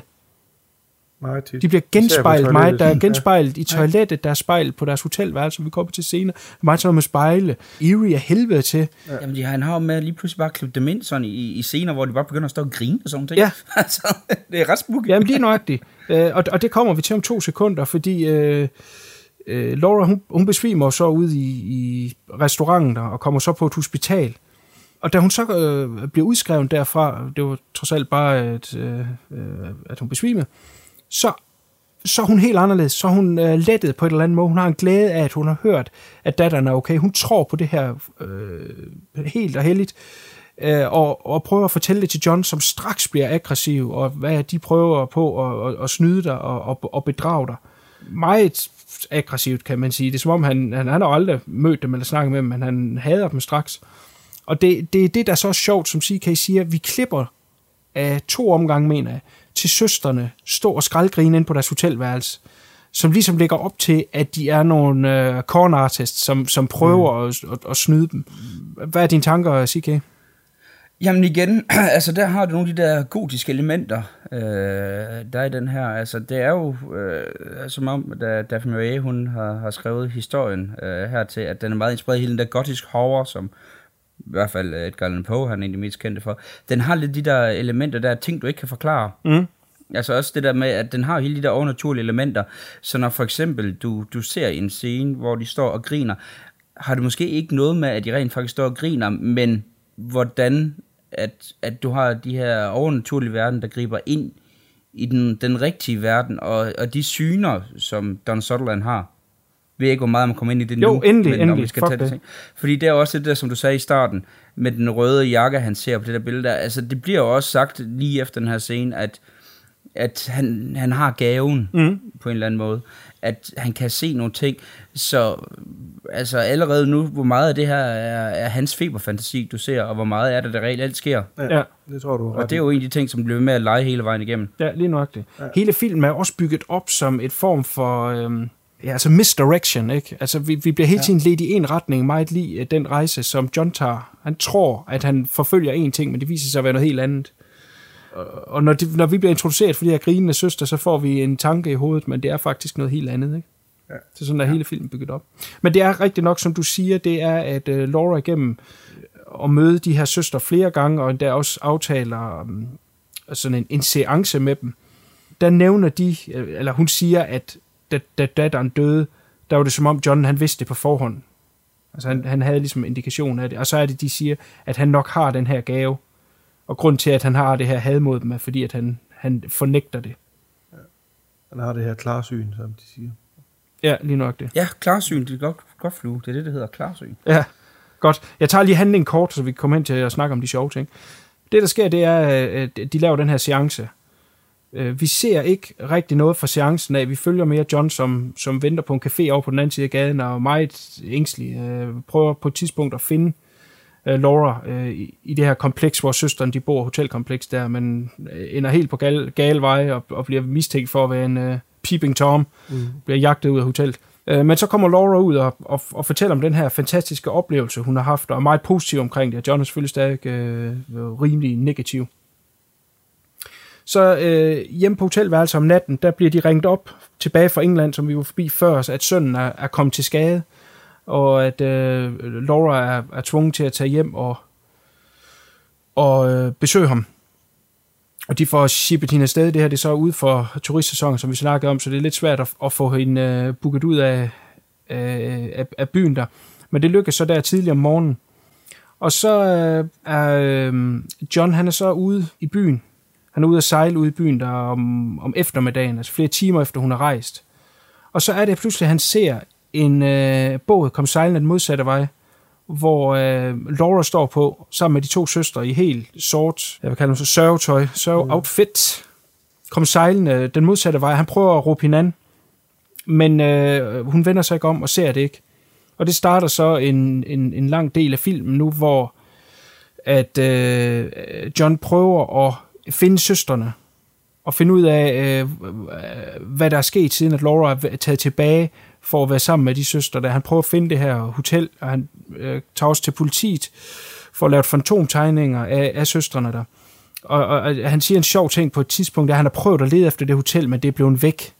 Det er sådan en sjov ting, man tænker... Øh, godt nok er det en film lidt over i det overnaturlige, man snakker virkelig om, du de kan blive væk det er sådan lidt spooky. Uh, politimanden, han er inde ved, lad os lige snakke om ham i to sekunder. Han kommer ind på det her latterlige store kontor hos den her politikommissær, og man kan ikke se hans hoved. Det er dækket af en kæmpe lampeskærm. Det, det, det er sådan lidt uh, en af de få komiske ting, der er i filmen. Ham politimanden her, snakker vi før om præsten, som er øh, noget specielt i det. Man føler, at der er noget, der stikker under. Øh, politimanden har, det, det synes jeg er, er meget værre. Han mistænker jo øh, nærmest øh, John for, for selv at stå bag den her, eller måske er det bare noget, han, han, han hvad skal man sige, har lagt sig selv i, i hovedet. Mm. Men, men John er jo lidt bange, fordi at han var overbevist om, at konen tog hjem, men samtidig så er han også bange, fordi at der er blevet fundet nogle kvindelige rundt omkring. Det er noget, der bare lige er ganske øh, svagt i baggrunden i starten af filmen. At der er en, en morder, der slår kvinder ihjel i Venedig. Men ved at hans kone selv er væk nu, øh, så har han den her nervøsitet. Og så den her politimand, der er mega skeptisk. Mistænker han John for at stå bag noget, eller hvad, hvad er hans skepsis? Hvad ligger det i? Jeg, ved ikke, jeg tror, det ligger sådan lige under overfladen, at han øh, måske vil... Øh mistænker for det, men igen det der med, øh, også med, med præsten, altså der er lidt med de her centrale karakterer, de har, har altså et eller andet år, så Jeg kan ikke helt sætte fingeren på, hvad det er. Det er noget, der er helt bevidst er gjort. Øh, som om, at de sidder inde med et eller andet, at de noget kahoot sammen mod, mod, mod John, eller noget, han forestiller sig. Det er da meget, meget svært at sætte fingre på, synes jeg. Jamen, det er den der melankoni, øh, kynisme der, ja, kynisme, som øh, gerne vil have, det skal, skal, filmen skal gennemsyge, ja, altså, hvor at, at også fatalisme, det ord kan vi også godt spille ind. Altså det der med, det hele er jo skæbnesbestemt, at, at det er den ligesom prøver på at, at lege lidt med, og, og det er som om de her to karakterer, som, som jeg også snakker lidt om, at de jo nok godt ved, hvad der skal ske, og de kan ikke helt, øh, helt stoppe det, og derfor har de den der lidt melankolske tilgang til det. Og det kan også godt være det der med, at han læser, altså han ved, hvad der skal ske med sig selv, at han måske har set, øh, haft et syn om, hvad der foregår. Så at det er det, han læser ind i det folk omkring sig, at det er den der melankoni, han måske øh, selv føler over, at han går sin skæbne i møde, og det er det, han ser ved de her karakterer. Altså det der med, jamen er det meget subjektivt, øh, filmen. Altså, altså det er jo en af de her film her, hvor man kan, kan snakke om, om øh, om den ikke prøver på at ophæve den der objektivitet øh, med den, at, at det er karakterens egen følelser, der bliver eksponeret over det, du ser. Altså det der med, at øh, ligesom for eksempel i, øh, i litteraturen, hvor du har fortæller, at du ikke kan stole på, at du har det samme med den her film, at du kan ikke stole på det, du ser, fordi at det, det skal forestille, det måske er en subjektiv del af, hvordan John han ser verden. Mm. Hvis de giver nogen som helst form for mening. Det gør det. Det gør det. Altså, det kan godt være, det er det, at den, den er helt andet lege der med øh, fiktionsformerne. Ja. Ja, det, det ved jeg så ikke, men, men det, det i hvert fald øh, kan være en teori øh, øh, om det. Ja, helt sikkert. Ja. Helt sikkert. Men i hvert fald så øh, får han en, øh, en øh, tail på. Der er en, der er en politimand, der, der følger efter ham. Politimanden øh, har, han beder ham om at, at, at lede ekstra efter det her hotel, som så åbenbart er forsvundet. Og han prøver at gå rundt i de her kanaler, øh, kanalgange her. Og øh, han ser jo så en rød, en pige i en rød jakke, mindende lidt om hans datter. Øh, det, det er nogle ting, han har set lidt undervejs, men, men først nu rigtig sådan føler, at han kan bruge til noget. Han følger jo lidt efter hende på en måde, eller i hvert fald forsøger. Og det leder ham hen til øh, hotellet her, og hvor han så kommer op på hotelværelset, og det viser sig så, at de er rejst fra hotellet af. Så nu aner han ikke engang, hvor de er hen. Og der kommer den her politimand så også op og viser sig. Jeg, hvorfor er det egentlig, han gør det? Det undrer mig egentlig også lidt. Hvis de virkelig mistænker John for at stå bag noget, hvorfor så sige, at vi følger efter dig? Ja. Ja, tænk over den. Ja. det gør vi så. Det knager. Men, men det er igen, altså, jeg, der vender jeg hele tiden tilbage til den der litterære genre med, med gotisk horror, at, at det der med, at det er måske bare en film, men at, at den ophæver grænserne mellem drøm og virkelighed. Altså, og det er også det, den gør her. Mm. Ja, det, det kan være det hele bare en feberfantasi, for han ser på hans sidste stund. Ja, nemlig. Men øh, i hvert fald så øh, sker der ikke andet, end at han bliver ringet op af hans kone tilbage i England, som er på søndens kostskole. som øh, forvirrer ham kraftigt, øh, fordi han er jo ganske sikker på, at han så hende om morgenen. Øh, men øh, drengen der, han er så åbenbart okay, og meget lige det, vi startede med at snakke om, så er de sådan lidt ligeglade med ham. så hun tager bare afsted med det samme igen. Han har det fint. Han har det fint. Øh, faktisk så klipper man til den her engelske kostskole, hvor hun skal til at tage taxaen tilbage. Hun vil så rejse tilbage til Venedig om aftenen. Øh, hvor forstanderen så siger, vil du lige sige farvel til ham? Og hun bare siger, nej, nej, jeg, jeg har sagt farvel til ham. det er jo totalt ligeglad med den dreng. Nå, okay, never mind. Worst parents ever. ja, det var da lige nok det. Dolan Sutherland her, han øh, har jo sat øh, jord og, og, og himmel i gang for at, at finde hans, hans kone, da hun troede, hun var væk. Og politiet har så øh, fundet de her to søstre, og den ene sidder i fængsel, og den anden er på det engelske konsulat for at redde trådet ud. Og, og nu Donald Sutherland er jo lidt brødflov over og, og har sat alt det i gang, og er også lidt dårligt så vidt over hende, den blinde sidder i fængsel og er bange. Så han, øh, han får hende øh, løsladt og, og, og følger hende hjem på hotelværelse, hvor den anden søster så venter. venter. Her får øh, den blinde søster, hun får så et, et, et anfald af en art, og, og den, den sene søster smider ham så ud og siger, at det er okay, der, der, hun skal nok være okay, gå du bare, gå du bare. Kort tid efter, så øh, begynder hun at råbe hende her, den, den, den blinde søster, at hun skal ud og finde ham igen. Der er et syn, hun har fået, og hun råber, gå ud og find ham, gå ud og find ham. Og hun går så ned på gaden her, kan ikke finde ham, men til gengæld så kommer Laura, som så kommer med op i lejligheden, og så øh, siger øh, den blinde her, du bliver nødt til at få ham tilbage, du bliver nødt til at få ham tilbage, og så løber Laura så efter ham. Jeg ved ikke, hvor han er, men løber i blinde rundt i gaderne. Samtidig så øh, har John fået øje på, på den her øh, skikkelse i rød jak, som han har set løbende gennem filmen, og øh, følger efter øh, den her karakter ind i et, ja, jeg ved kraftedeme ikke, hvad det er, et, mus- et mausoleum, jeg ved det ikke. Ja, vi skal nok lige øh, nævne en vigtig detalje her, er, at han, jeg tror, det her, der gør, at han får til at løbe efter og følge efter den her person, er, at det er film på den måde, hun løber langs nogle både øh, ved den kanal her, øh, ligesom at man ser klip tilbage til, til pigen, som løber ved den her lille sø, hun drukner i, af spejlbilledet ja. i vandet. Altså, det er lidt, han har det her syn med, åh, åh, åh, nu er det det samme, ja. der sker igen. Altså, der er ingen tvivl om, at han gerne vil redde et han barn. Han vil redde et barn. Han har det her ja. dybt i sig, at han vil gøre alt for, at det ikke skal ske igen. Men det er vel ja. nærmest sådan en, øh, løber vel sådan en kanal, og så er det egentlig sådan et gammelt, det ligner så forladt, ja, mausoleum, teater, et eller andet. Ja, det er meget særpræget i hvert fald. Ja, det er det. Jamen, det er det, de giver mening, hvis, hvis, hvis, hvis det er mausoleum, jo. Mm. Ja, jamen, det er jo nemlig det forhold til, hvad der skal ske. Ja. Men det er jo også det, som fluen er inde på her, det er også en, en scene, der minder meget om, øh, det han i virkeligheden søger for, det er tilgivelse. Mm. Ja. Altså, at den skam, han har over, at hans datter er druknet, og det hele det der med, at han simpelthen prøver til at få det hele til at gå i vatter, hvis I forstår, hvad ja, jeg mener. Det gør. Altså få hele universet til at have sin rette orden igen, så at han kan komme videre. Så planeterne, de er aligned. Ja. Lad os ja. tage alle, hvad hedder det, symbolikken bagefter. Ja. Uh, lad os lige tage det sidste her handling. Han går så ind i det her, ja, lad os kalde det mausoleum, og han vælger så at låse gitteret bag sig. Det er nok for, at, at, at barnet ikke kan slippe ud igen, men det er jo stadigvæk en ret dum ting.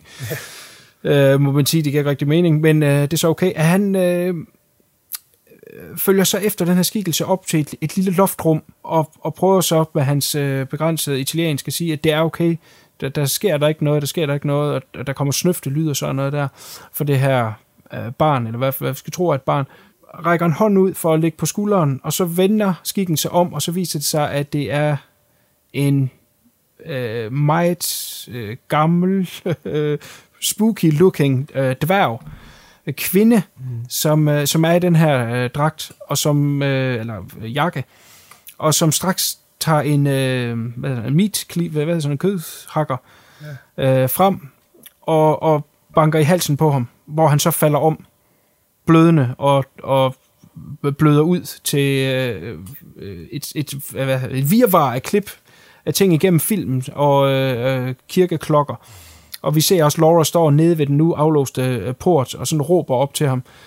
Øh, og der, der bløder han ud, og så ser vi så en masse klip fra filmen, som så også er ligesom payoffet til mange af de ting. Og det er jo så der, det skal gå op for os, at ah, da han så hende på øh, floden, var fordi, øh, eller sejl forbi, var øh, en, en, sådan en forecasting af øh, hans begravelse. Så, så, hun, så hun var der slet ikke. Og det er så også det, den slutter med, det er, at vi ser, at de går, øh, de, de sejler igen på den her, øh, øh, sørgebåd med, med, med deres sorte tøj på, og kommer så til en kirke, hvor de, vi går ud fra, at han så skal øh, bisættes. Og det er det, filmen slutter med. Det er simpelthen lige handlingen ganske, ganske kort. Der er jo masser af ting, vi skal forbi i øh, af, af symbolik, fordi den her film er jo symbolik med symbolik ovenpå. Ja, men det er jo også en svær film at lave sådan en slavisk gennemgang af. Ja, det er det. Jeg må beklage, det var lidt hakket undervejs, men det er jo fordi, det er en film, der kan analyseres på mange måder, og det er jo det, vi gerne vil. Ja. Så lad os kaste os ud i det. Jeg ved, CK, han er meget, han er meget uh, kodet for at tale om sex. Ja, Ja, hvem er ikke det? Altså jeg vil sige, den her film, ikke, da den kom frem, der var det meget den her sexscene, mm. som det kørte på. Og øh, man kan jo næsten ikke øh, se noget slå op på noget værk i dag, hvor det ikke er det, der bliver nævnt først. Jeg synes faktisk, det er lidt irriterende. ja. Det er fordi i dag, der har vi set, der er det overgået mange gange, ikke? Vi har før vendt uh, Bound og Wildside og hvad fanden der nu ellers findes, som er meget mere... Blue is the warmest color. Ja, for eksempel, ikke? Altså, det er, det er meget mere explicit. Så øh, nu er det mere film, det handler om. Så det irriterer mig lidt, at det altid er den forbandede sexscene. Men endelig lad os da vente den her, og så få det øh, aflivet for en gang skyld. Sig, kan I lægge det ud? Jamen, det er, jo, det er jo ret sjovt, som du selv sagde. Det var jo det var så kontroversiel, øh, den her scene. Altså, der var rigtig mange hvad hedder det, kritikere og, og seere med vilje, som jo snakker om, at gjorde de det rigtigt? Ja. Og, øh, og, det, og det sjove ved, for mig ved selve sexscenen, det er ikke sexscenen, men det er, hvordan han vælger at bruge den. Altså den der, hvordan den bliver klippet øh, sammen på.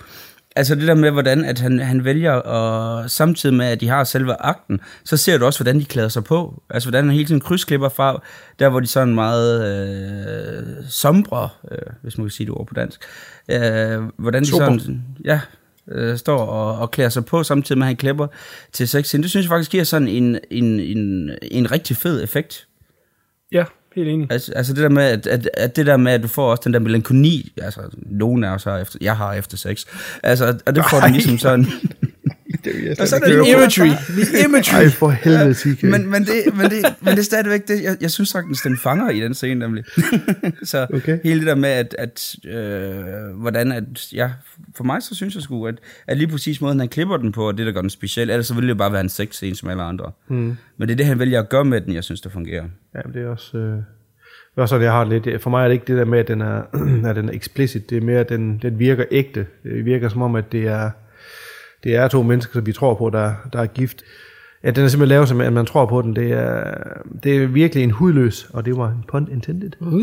portrættering af to mennesker, der, der elsker hinanden. Og, og så den måde, de har sex på første gang siden datteren døde. Øh, jeg synes virkelig, også du siger det med klipningen af dem, hvor de forbereder sig på deres dagligdag med at klæde sig på og give sig tid til at, at se pæne ud. Øh, Jeg synes virkelig, det er en, en, øh, en følsom scene.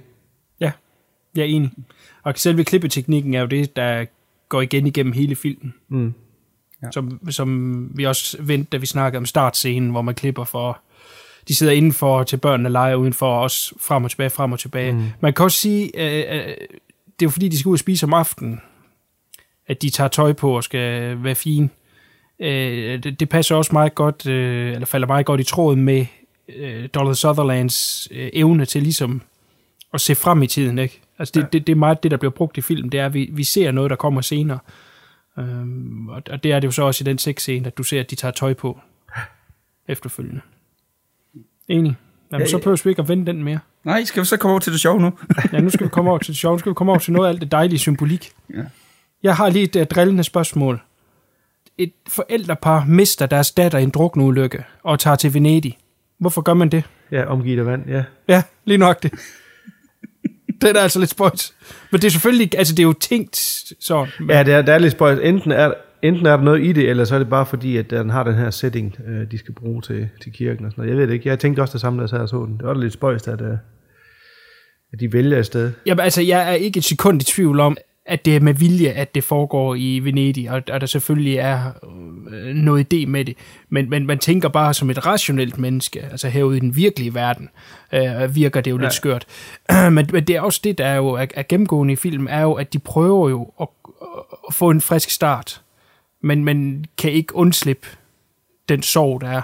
Det vender jo hele tiden tilbage, og, og her i så symboliseret ved den her skikkelse i den røde jak, som, som Sutherland hele tiden ser. Det bliver hele tiden mindet om den her pige. Ja, altså man, man, bliver, man bliver nødt til at face det, man, man har tabt, og det er jo så det, konen gør. Hun kommer jo så i bedring. Og det gør Donald Sutherland ikke. Han, han nægter jo at, øh, at tro på det her med de her søstre, han nægter at, på den måde at blive bedre. Han fornægter det bare. Og betaler prisen. Ja. Om man vil. Godt. man sige. Han, han, øh, han restaurerer den her kirke, som er helt... Altså, man ser den indeni på et tidspunkt. Det er jo faktisk bare en skal, mere eller mindre. Det er jo ikke en, fu- en funktionel, funktionel kirke, som så. Øh, øh, ligger der noget i, at han restaurerer øh, noget, altså en kirke, noget åndeligt, øh, når han egentlig burde egentlig restaurere sig selv. Her tænker jeg på, at han samler den jo stykke for stykke, og der er også på et tidspunkt, hvor han er med til at sætte den her statue af en, jeg ved ikke, hvad sådan noget det er. Øh, En gargoyle. en hvad? Så en gargoyle. En gargoyle hedder det det? Okay. En øjle. Godt. Ja, jeg ved ikke, hvad det hedder på dansk. Gar- Jeg ved det ikke, men det lyder jo godt, ordet en gargoyle. gargoyle. Jeg har hørt ordet gargoyle før, jeg har hørt det. Godt. Men sådan en skal de have sat op på, på øh, over indgangen til den her kirke, hvor han står ansigt til ansigt med den. Jeg kan ikke lade være med at tænke, at der er nogle ting i forhold til, øh, at det er lige nok det, det han laver. Det er der. Helt sikkert. Altså, altså det, det er jo det er jo films måde at sige, i stedet for at tage sig sig selv og vare på sig selv og prøve at samle sit eget sind, så, øh, så gør han det andet sted. Og I det her tilfælde, også det med mosaikken, han er oppe at sætte på. Ja, lige nok. Meget, meget, det med de der små mosaikstykker, han står og sætter på. Ja. Virkelig sådan i detaljer. Øh, så det er helt sikkert en films måde at sige, han kan ikke finde ud af at, at, at komme videre. Nej. Og igen, han står og drejer stenen lidt som at, Ja. ja. og, og, og passe en brik ind i et puslespil og se helheden Præcis. i det, ikke? som han jo lige nøjagtigt ikke kan. Jeg er mildt uenig. Godt, kom ind. Altså, det, fordi det er, jo, det er jo tit det der med, når du genopbygger noget rent fysisk, jamen så genopbygger du også dig selv i, uh, i processen. Nå, ja, altså, hvor, at, at, hvor at jeg måske vil sætte lighedstegn med, at i samtidig med, at han bygger den her kirke op, men så bygger han også sig selv op, stykke for stykke. Øh, det er jo så forskelligt fra menneske til menneske, men det er sådan, jeg, jeg, jeg altid tænker, det er også tit det, du ser i film for eksempel, så ender det altid med, hvis der er nogle dybe sorg, jamen så skal de bygge noget op, noget rent fysisk. Øh, mm. Og det er også lidt det samme, du ser her. I kan så også godt have ret i, at de måske tænker den anderledes i den her film, end hvad man er vant til. Øh, hvor du har øh, den her øh, typiske historie med, at konen er død, og hu- manden skal bygge et nyt hus, og så kommer han, finder han sjælefred i det, øh, mens han gør det. Her kan måske godt være det ting, det der med, jamen, så må I også ind på, at den får han ikke. Altså det der med, at, at den fysiske øh, restaurering af kirken er bare ikke nok til at genopbygge ham selv. Altså det der med, at det kan godt være, at, at på den måde, der, som det I siger, at, at det er også det, film prøver på at vise, at han kan bare ikke genbygge sig selv. Altså den der fatalisme, vi, eller jeg har også været inde på før, altså det er lidt, den er også gennemsyre med, at, at det er næsten en umulig opgave at få restaureret den her kirke her, som for eksempel også præsten, han, han lidt lægger op til. Ja. Mm. Altså jeg vil give dig fuldstændig ret, at der findes andre film, hvor det er det, det kommer igennem. Øh, at, at man påbegynder et eller andet rejse eller et projekt, som man så bygger sig selv op i øh, sideløbende. Men, men lige præcis i den her, der tror jeg ikke, øh, eller det er ikke min opfattelse i hvert fald, at det er sådan, det skal være, fordi at øh, han er jo ikke i bedring på noget tidspunkt. Nej. Der er jo ikke, der er, jo- altså han blev jo nærmest bare værre og værre øh, fanget ind i det her mareridt og, og, og de her gader og kanaler, som han forviklet sig længere og længere ind i. Det er jo, for ham er det jo en mareridtsby, ikke? hvor for konen er det mere en forløsning. Ikke? Hun, hun søger jo en, en bedring og, og, og finder den jo også, fordi hun er mere åben.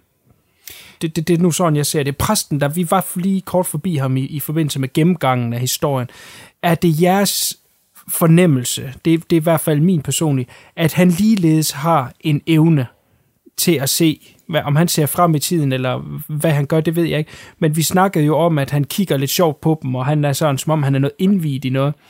Øh, vi ser en scene øh, hen mod slutningen, hvor han ligger i sin seng og sover. Det er lige før, at øh, øh, Sutherland han, han, han dør, eller John-karakteren dør, der, hvor han vågner op med et sæt i sin seng, som om, at, at han også kan mærke ja. det. Øh, hvad er tanker? Der er, øh, jamen, der er også scenen i kirken, hvor Sutherland, eller John-karakteren er ved at, at falde ned for det her, sådan, øh, øh, hvad er det? Sådan en, de hejser ham op, faktisk, i sådan en elevatoragtig. Der er også ligesom, han står og kigger på det, og som om han, det virker som om, at han havde det på fornemmelsen. Ja. Han virker meget, meget underlig. Både under og, og, og efter, at, uh, hvor han så bliver reddet. Ja. Jeg ved ikke, om vi også lader mærke til det. Jo, helt sikkert. Jo. Ja. Så der kan godt være noget, han har måske lidt hen af det samme, øh, at han kan fornemme nogle ting. Jamen lige nøjagtigt, og han siger jo også, øh, da han hører, at øh, konen er taget tilbage til England, så siger han jo også, at du skulle have været taget med hende. Ikke? Altså, der er Ja. en nervøsitet, som om han gerne vil passe på ham. Lige præcis. Lige præcis den der sætning med, at uh, du, du, du skulle slet ikke være her. Ja, lige nok. Lige nok. Jeg, vil, jeg kunne godt tænke mig at stille et øh, forbandet drilsk spørgsmål. Igen? Ja, Igen nu. den her gang er det virkelig drilsk. Det kan godt være, at den lige skal synke ind i to sekunder. Sådan som jeg altid har forstået filmen, også sådan som jeg forstår den nu. Men nogle gange er det meget sjovt at se en film, og så stille et sjovt spørgsmål undervejs. Hvad, hvad, hvad rejse vil den så have taget? Og her kommer der så et. Hvad nu hvis, at John dør, da han falder ned? Altså at han falder ned for det her hjemmelavet ele- byggeelevator, som fluen omtalte, hvor han bliver hejst op under kirken for at, at kigge på, på noget af det her mosaikbillede. Den brænder jo så sammen, men han får grebet fat i noget og, og, og bliver så hejst øh, i sikkerhed. Men hvad nu, hvis han døde der? Kan det forklare noget af filmens syrede øh, tilgang derfra og frem? Grunden til, at jeg spørger, det er fordi, der kommer et ultrakort klip hen mod slutningen af filmen, der hvor, altså, hvor vi ser en masse hurtige klip, da, da han ligger blødende. Der ser man et hurtigt klip, hvor han rent faktisk falder ned. Ah. Hvor han ikke bliver reddet. Det kan jo sagtens være, at vi er ude i sådan noget Jacob's Ladder-agtig ting, øh, plot Ja. ja. twist. Altså det kan man også, det, altså, det kunne jo sige, at okay, det kan forklare, hvorfor det hele virker som en feberdrøm. Øh, dog nok næppe i den her. Øh, det er en interessant, interessant tanke, altså det, ja. det kan sagtens være, den er tænkt sådan. Altså, som du, vi, du, øh, du selv var inde på, da vi gennemgik øh, plottet, så er der jo masser af de her såkaldte wet herrings, øh, Ja. I den her film, hvor han lægger op til noget, som måske, måske ikke er der. Det er så også øh, en af de gode ting ved den her film, det er, at han aldrig nogensinde modsiger de her ting, han lægger op til. Altså, øh, det formår for Nicholas Rourke at have mange bolde i luften, uden mm. at de falder ned på jorden, hvor man tænker, okay, alt det der, øh, han har sagt, det passer jo slet ikke sammen. Hvor, øh, den er mulig for alle de her tolkninger, så ja, det, det kan være, det kan forklare øh, de her feber, øh, hvilelser og sådan noget, men øh, nej, ikke, for min, ikke min fortolkning af filmen. Nej. Men det er rigtigt, det er interessant. Lige det er en, en klip der, øh, hvor Ja. man ser, at han rent faktisk falder ned, når man skal ligge i det. Lige nok, lige nok. Jamen, jeg ved ikke, om man skal lægge noget i det som sagt. Nej, præcis. Og jeg vil give uh, CK helt ret. Jeg tror heller ikke, at eller jeg er helt sikker på, at det ikke er måden, man skal tænke på. Øh, men, men, men det er en sjov ting, og når, når man har set den og, og tænkt den på en måde i mange år, så lige tage en lille ting ind, og så som man ikke umiddelbart kan forklare. Altså det er svært lige at forklare det ene klip til sidst, hvor han falder ned. Hvorfor kommer det ind? Hvorfor vælger man et andet take? Og de har jo filmet det, og det er jo, det er jo et stunt, de har lavet. Mm. Øh, ja, så, men, så det er jo mere end bare lige et fraklip, de, de smider ind. Men det er jo det samme, som vi snakkede om med, med drengen der i starten, øh, hvor vi diskuterede den scene jo. Ja. Med, om øh, det var et eller andet øh, spook ved drengen, om det bare var, fordi han ikke var så god skuespiller. Og det er jo lidt det samme her, hvor du har de her øh, mange scener i filmen, man kan gå hen og så kan man sige øh, både og. Altså det, det er en af de her få film, der ikke er enten eller. Det er en både og ting. Ja. Mm. Så, men interessant spørgsmål dog. Ja. Jo, tak. Jeg har flere. Du uh, nej. Skal vi tage et mere? Jeg tager den med. Kom med den. Okay, det her det er virkelig langt ude, og det er, afspejler bare, hvor mange gange jeg har set den her film. Jeg har ikke kunne finde andre at stille det spørgsmål på nettet, så øh, det, det er nok bare inde i mit hoved. Men pigen går jo i starten med en, øh, sådan en, en actionfigur, soldat, som har sådan en snor i ryggen, man kan trække i, og så siger den et eller andet kort øh, militær kommando. Er I med? Ja. ja, det der med kvindestemmen, ikke? Det er nemlig kvindestemmen. Ja. Og jeg er ret sikker på, og jeg vil næsten lægge hovedet på blokken, at det er den samme, der lægger stemme til den dukke, som er den blinde kvinde, som, som øh, har de her evner. Hun har en meget speciel stemme. Mm. Og spørgsmålet er, hvis det er rigtigt, jamen hvad er så tankerne bag det? Er det bare fordi, det, hun lige havde en sej stemme, eller har man prøvet at lægge noget mere i det?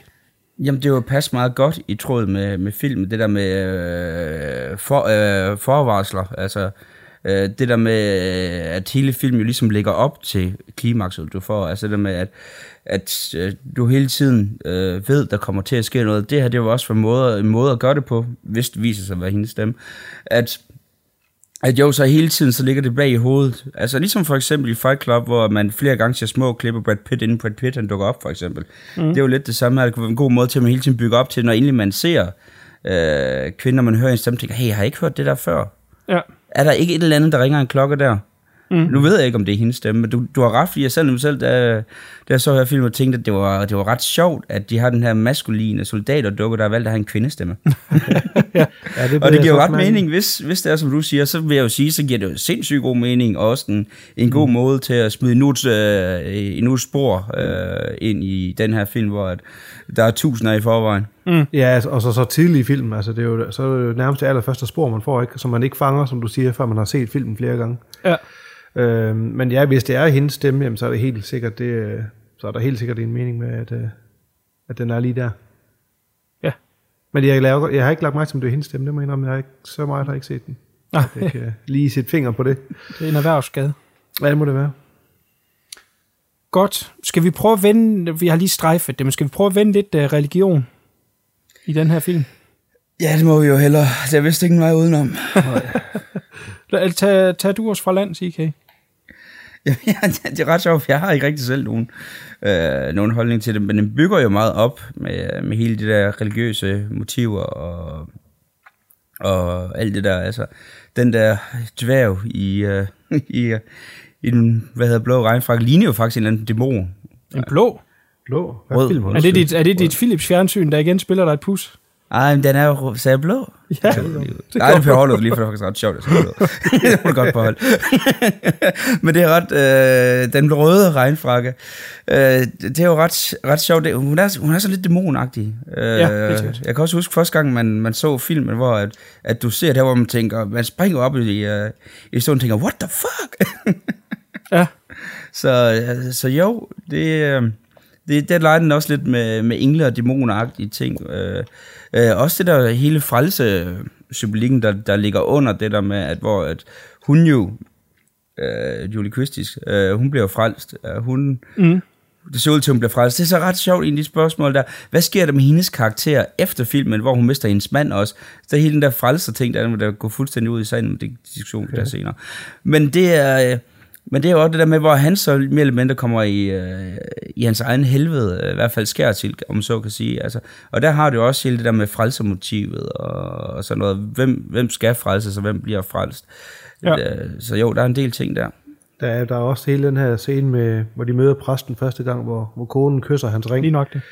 Og øh, de har den her dialog, og ja, vi ses torsdag, det er noget med, de skal bo hos præsten, og så tager han afsted, og så siger John til hende, øh, er, er du egentlig religiøs?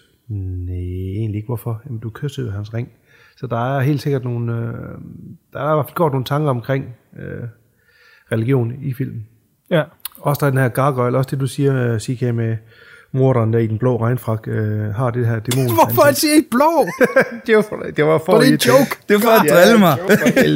Oh my god. har den her djævelansigt, og også den her gargoyle der, som, øh, som kigger på ham og rækker tungen ud, lige- nærmest slikker ham i ansigtet. Og så er også ja. noget der. Ja, ja, også som linker til morderen til sidst helt sikkert. Ja, som præcis. også kommer til at stå ansigt til ansigt til. Ja. Ja, ja men altså, jeg, jeg, jeg ved ikke, hvor tungt man skal lægge øh, det religiøse, men altså, man kan jo sige, at han kunne jo være nede og restaurere hvilken som helst bygning dernede, som var fredet. Mm. Øh, jeg, jeg tror, øh, uden at det, det vejer tungt som så, så tror jeg, at det, det skal være noget med tro.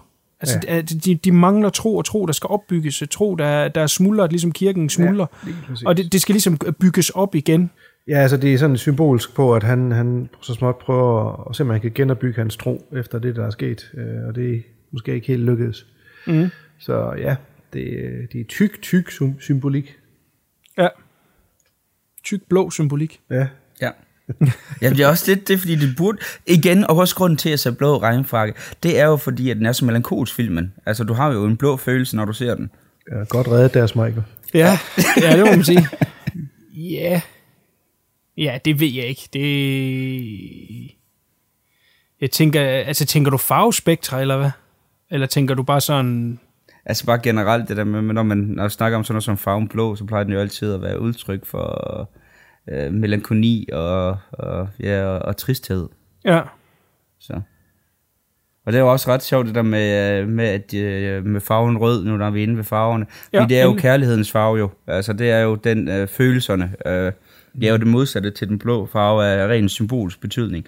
Og det er jo så øh, også sjovt, at det er kærligheden, der slår ham ihjel, om man så må sige jo. Jeg har nu altid set det mere som værende far. Altså, det er et farsignal. Men det er jo ret sjovt, fordi den- dem der har jo, øh, har jo samme betydninger. Men det er jo også lidt det der med, fordi hvis man, hvis man kører øh, lidt ud den sti med, at øh, rød det er symbol for kærlighed, så er det jo, kan man sige, at med en lille pige, så dør kærligheden. Og da han selv dør, så får han kærligheden igen. Altså det med, at hvis man kører med et religiøst motiv, jamen, så bliver han jo genforenet øh, Mm. med datteren. Det er så fuldstændig langt ude, det her. Det tror jeg så ikke, der er nogen, der har tænkt. øh, kan jeg ikke forstå, hvis nogen der har. Nej. Men, men det, er jo, det er jo sådan lidt, der kan man så øh, læse det ind i, øh, ind i, i filmen med, at, at døden, det er hans udfrielse. Ja. Ja, Men lad den ligge. ja det kan Ja. man tænke over. Ja, den tænker vi lige over. Ja. Altså, øh, første gang vi blev introduceret for den røde øh, jakke, som, som er den, der han jagter i, i, i Venedig, er jo det her Dias-billede tilbage i England. Og på det tidspunkt i, i filmen, der ved vi jo ikke, hvad det betyder, i hvert fald når vi ser den første gang, og så er det jo så datteren drukner i en rød regnfrak. Og langt hen af filmen, der må man jo første gang, jeg kan ikke huske, hvad jeg tænkte første gang, fordi det vidderligt er så mange år siden, jeg har set, men man har jo højst sandsynligt tænkt meget lige Johns tanker, at, øh, at det er datteren, der på en eller anden måde vender tilbage. Øh, da det ikke viser sig øh, til sidst, og det, det ligesom går op for os, hvad fanden det hele det går ud på, øh, som vi gør sammen med John, så, så vil jeg sige, at det fremstår som et faresignal. Jeg synes også, den måde, det bliver øh, afsløret på. Ikke? Altså for det første har hun jo et creepy ansigt. Ikke? Ja. Nu snakker vi om den gargoyle, ikke? og står ansigt til ansigt. Hun har jo virkelig et varmt ansigt. Men, men hun laver en fed bevægelse med hovedet, som om hun ryster på hovedet og siger, nej, nej, Jeps. det er ikke det, du tror. Ikke? For han troede jo, det var en lille pige, han skulle redde. Jeg tror, han var sund nok i hans tanker til at vide, at det ikke var hans datter, men han, han har jo nok troet, at der var en anden pige i far, som han så kunne redde, som var bange. Ja. Øh, og så vender det her øh, monster som og ryster på hovedet. Og jeg synes, det er en fed måde at sige, øh, nej, det var ikke det, det var. Du tager fejl. Ja, eller, eller, ja, eller nej, du får ikke øh, forløsning, eller, eller Ja. ja. tilgivelse. Ja. Det kan også godt være en wink-wink fra, mm. fra instruktøren, og at det der med, jamen, som du også er inde på, ja, det, er jo- I troede, den her film var noget, det så viser, at det er noget Mm. helt andet. Altså, Præcis. De, Ja. øh, altså det der med, at øh, I, I troede, det var en film, der handlede om frelse og alt det her, men i virkeligheden så er det en, en lille tyrkøbelig dværg i en rød jernfrakke.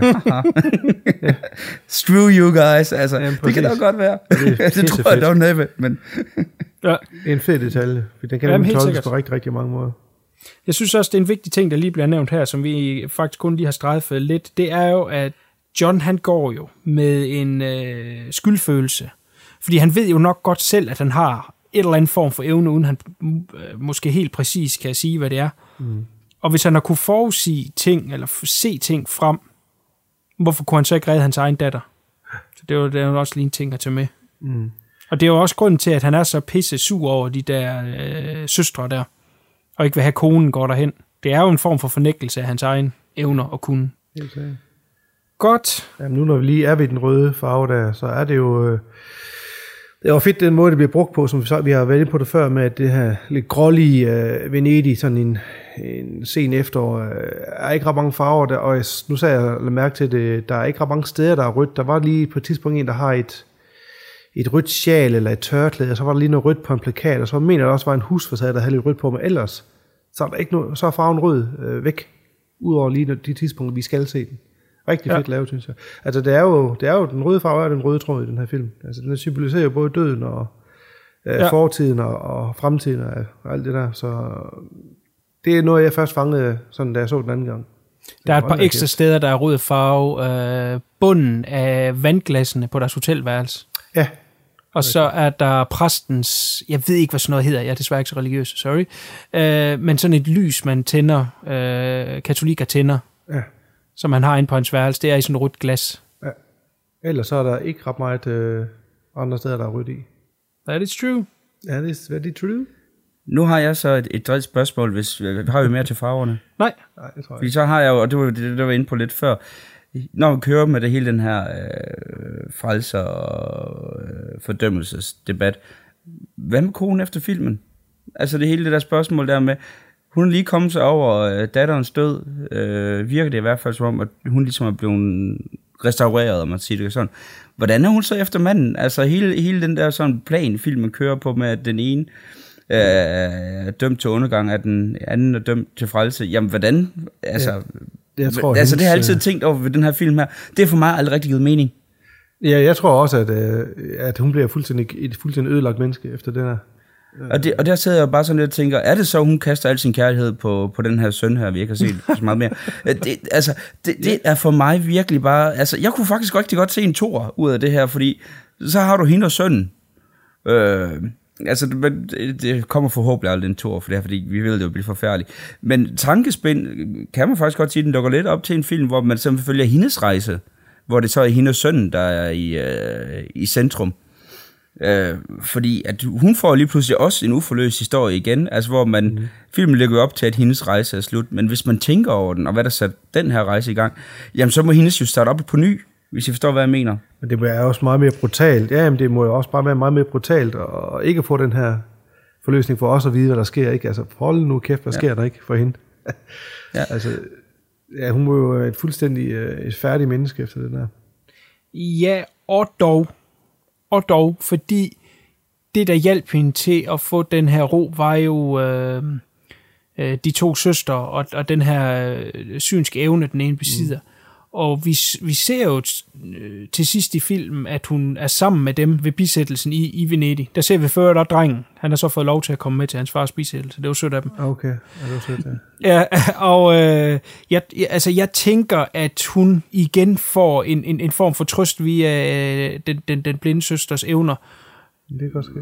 Fordi nu, nu hvis, hvis det virkelig er muligt for hende at se de, de afdøde, jamen så vil hun jo kunne se, at Christine, datteren, har nu er sammen med faren. Ja. Og, og, og i det er der øh, en form for lykkelig slutning.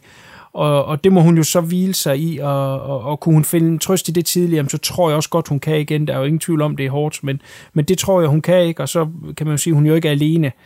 Uh, hun har jo så den her øh, dreng stadigvæk at støtte sig op af. Ja, det er også en tolkning. Det er også en tanke, ja. Godt. Er der lige umiddelbart mere i øh, analysekassen? Fordi så vil jeg lige snakke lidt om musik. Nej, så, øh, jeg har ikke mere lige nu til det. Godt. Hvad synes jeg om musikken? Det er en komponist, der hedder Pino Donaggio. Det er ikke øh, et almen kendt navn, og det burde det være, for han er virkelig en af de absolut bedste komponister. Han har også lavet en del til øh, Brian De Palma, da han startede ud, øh, blandt andet Obsession, og, og, og fremad har, har Pino Donaggio lavet til, til nogle af de bedste af hans. Hvad er jeres tanker umiddelbart om det her soundtracks? Var det ikke hans, var det ikke hans første soundtrack, han lavede her, synes jeg, hvis svært kan erindre. Noget af hans første. 73, jo, det har det sgu nok været. Det ved jeg ikke lige. Det kan jeg lige tjekke imens. Altså, så, så vidt jeg, jeg mener, jeg var læst lidt om ham, hvor at, at, det var, at han ikke rigtig ville lave det her, hvor at Niklas Våg så, øh, så overtalte ham, overtalte ham til det, og, øh, og, og så kom i gang. Og så er der jo øh, også bare, for eksempel, man har tit indtryk af, at de her øh, musikere, de er øh, meget arrogant og sådan noget, men der er på et tidspunkt, hvor at du har et klaverstykke, der skal spilles, hvor at det er øh, simpelthen ham selv, der spiller det, fordi han ikke er særlig god til at spille klaver. Så at det får, øh, den her bestemte lyd er sådan lidt famlende. Øh, jeg mener, det skal forestille det øh, pigen, der spiller det. Men hvor at, at det går hen og bliver sådan lidt famlende og, og usikker, simpelthen fordi han ikke selv er særlig god til instrumenter. Det fanger så den følelse, som, som de gerne vil have med scenen.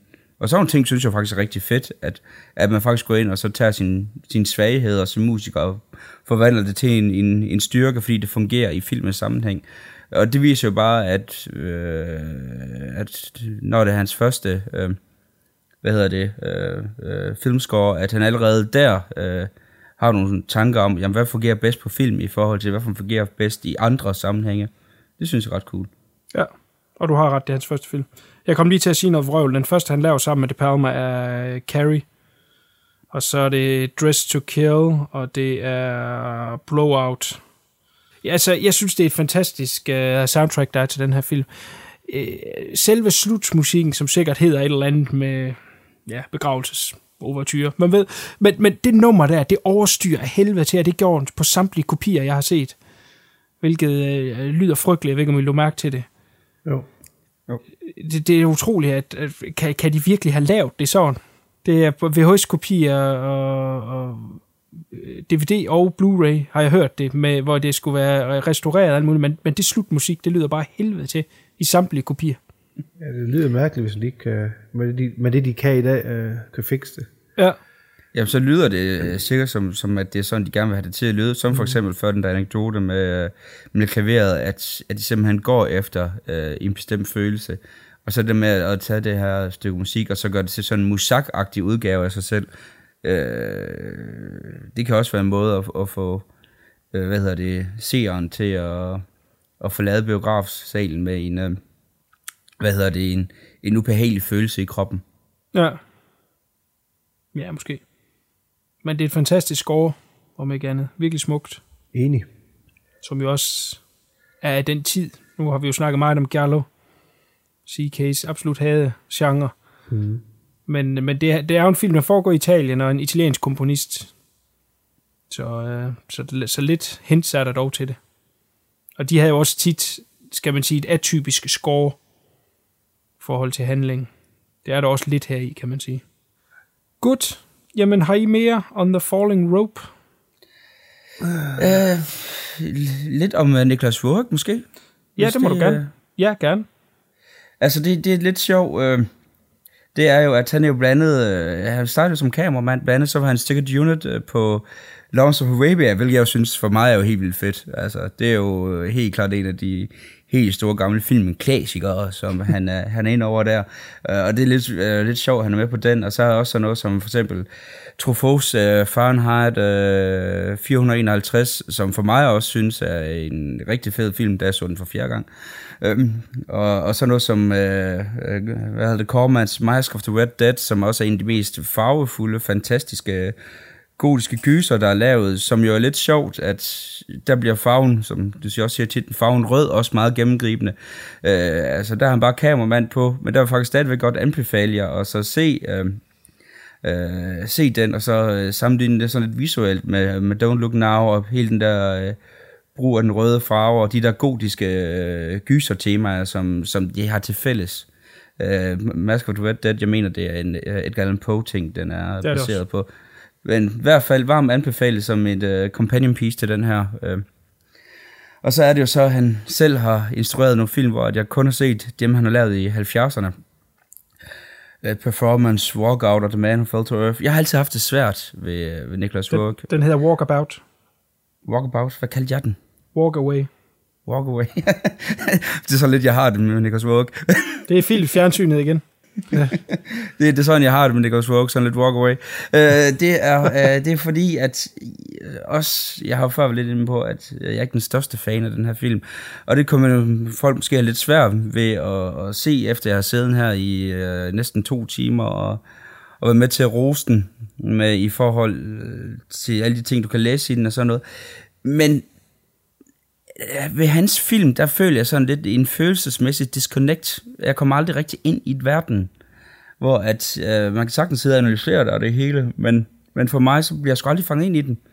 Og, og det har sådan været gennemgående også med de andre film, jeg har set med ham. Jeg, jeg bliver sgu sjældent øh, sådan suget ind, hvor at det har lidt at gøre med en håndfuld andre sådan store filmklassikere, hvor at jeg ved, at der får jeg også høvl, når jeg siger dem. Sådan noget som Blade Runner for eksempel, øh, som jeg man også kan analysere til hudsøgelse i mange fede ting om. Den har jeg aldrig set uden at falde i søvn. Øh, og Rumrejsen 2001 også. Altså der er sådan en som film, som jeg vil være helt enig med alle sammen i, det er, det er mesterværker og sådan noget.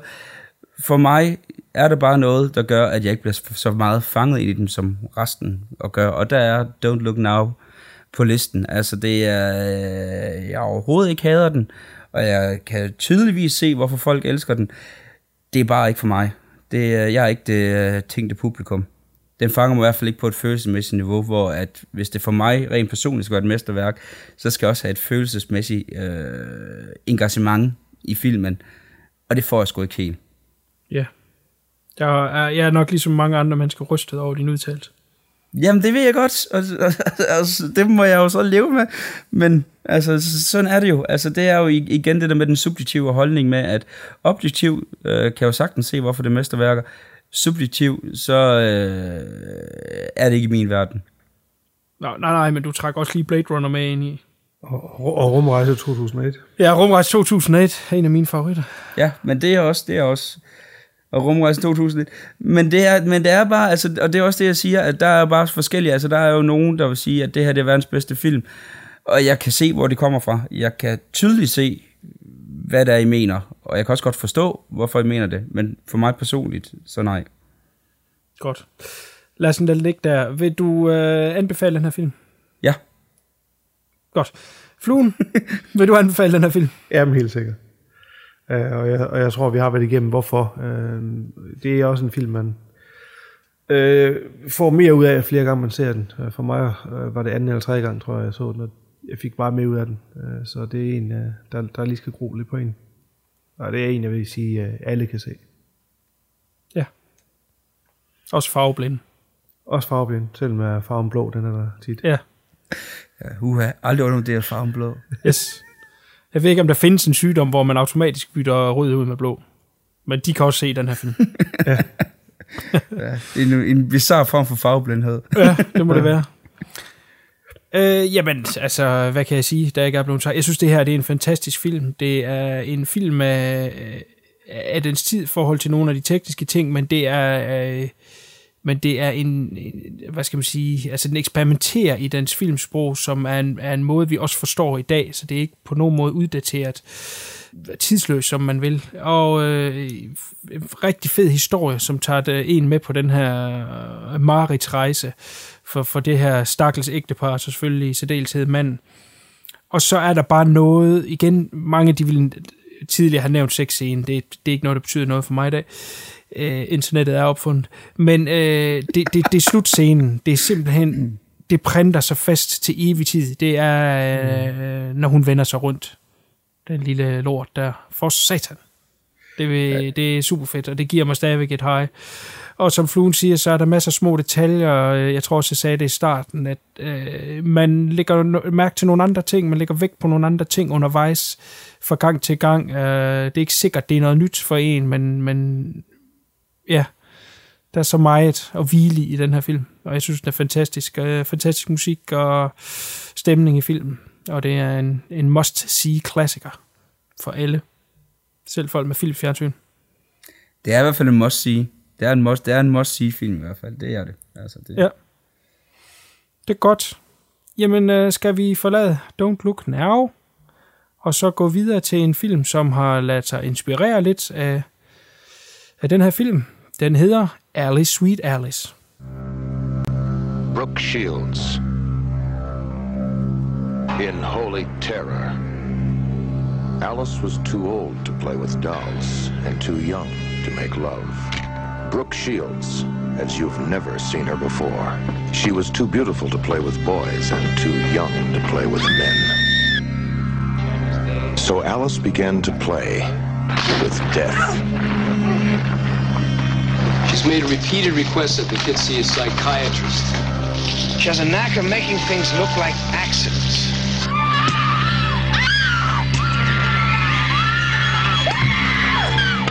It's dead! It's dead! He tried to kill me! No more dolls, no more toys. Alice only plays with bodies.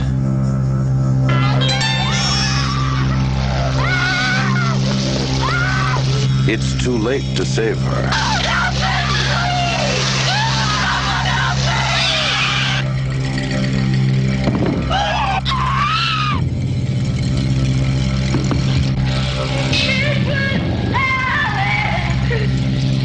A story of unnatural love and unnatural death.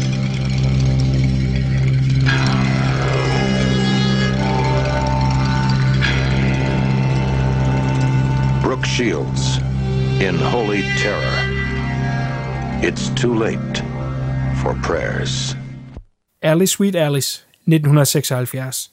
Den kønne unge pige Karen myrdes ved hendes første nadver. Mistanken falder på hendes søster Alice, Karens komplette modsætning. Snart stiger dødsfaldet, men kan morderen virkelig være den lille pige Alice, og hvad er motivet? Dun, dun, dun. Den her film er også kendt under titlen Communion og Holy Terror. og hvorfor har den så mange titler? Det er hvad teaser, jeg vidste allerede sidste gang, da fluen sagde, hvorfor har den så mange titler? Den er instrueret af en mand, der hedder Alfred Soul, som øh, var sådan lidt en novice i film, og øh, var kun i instruktørstolen ganske kort, før han, han forlod det for andre øh, øh endeavors, kommer vi ind på senere. Øh, og en ting, som han lige glemte, det var, at han glemte at øh, copyright filmen. Det er jo en meget god ting, når man har lavet en film, at man også lige siger, at man ejer den. Så øh, det første, der skete, det var, at det selskab, der købte film, sagde, at Communion, det lyder bare som om, at det er en uh, Jesus-film. Så øh, vi ændrer det lige til Alice Sweet Alice. Han kunne ikke sige noget. Og så øh, er der jo den her pige, Karen, den lille pige, der bliver myrdet. Hun bliver spillet af, øh, af Brooke Shields, og det her, det er hendes, det er ikke hendes debutfilm. Hun havde lige vist sit ansigt i nogle få ting inden, men det her, det er sådan hendes første reelle film. Og øh, hun blev så senere en stor stjerne med blandt andet Blue Lagoon, og, og for hver gang de her film, hun havde, de succeser, hun havde, de kom ud, så uh, Pretty Baby blandt andet, og er der ikke en mere der fra starten af 80'erne? Nej, det kan jeg sgu ikke huske. Fuck det. Åh, oh, der er nogle stykker i hvert fald. Ja, øh, så, så genudgav de simpelthen den her film, hvor det bare blev blæst op. Det var jo i, i, i i slasherens højborg, så skulle den selvfølgelig ikke hedde Alice with Alice, så skulle den hedde Holy Terror, og så stod der bare over hele forsiden, starring Brooke Shields, selvom hun øh, jo kun er med i 5 minutter. Ja. Uh, så det, det er derfor, den har alle de titler. Det lykkedes så instruktøren at få den tilbage i en gang i slutningen af 90'erne, hvor han så fik den uh, copyrighted til hans navn. Så han, han ejer den i dag, men i mange år var den det der public domain, fordi han er dum så lidt der. Det er jo sket for mange øh, ja. kunstnere. Øh, et af de mest kendte øh, eksempler, det er jo sådan noget som Night of the Living Dead, for eksempel, øh, ja. Joshua Romero's, som du jo allerede fra da DVD'en øh, kom ud, kunne du jo købe for en femmer, fordi der var ingen, der havde øh, copyright på den. Ja. Og så, men så er det også det der med public domain, som du heller ikke tjene penge på det, så det er sådan lidt, øh, lidt nogle regler der. Ja, eller jo, det må du godt, hvis du så øh, giver noget ekstra til, det vil sige, hvis du har noget ekstra materiale derpå. Okay. Så må du gerne tjene penge på det. Eller hvis det for eksempel er en dobbelt feature. Hvis du lægger en anden film på, og så siger, så må du godt sælge den på den måde der. Men, mm. øh, men, men George Romero gjorde det samme, da filmen havde 25 år eller 30 års jubilæum. Der, der skød de nogle nye scener og puttede ind i den.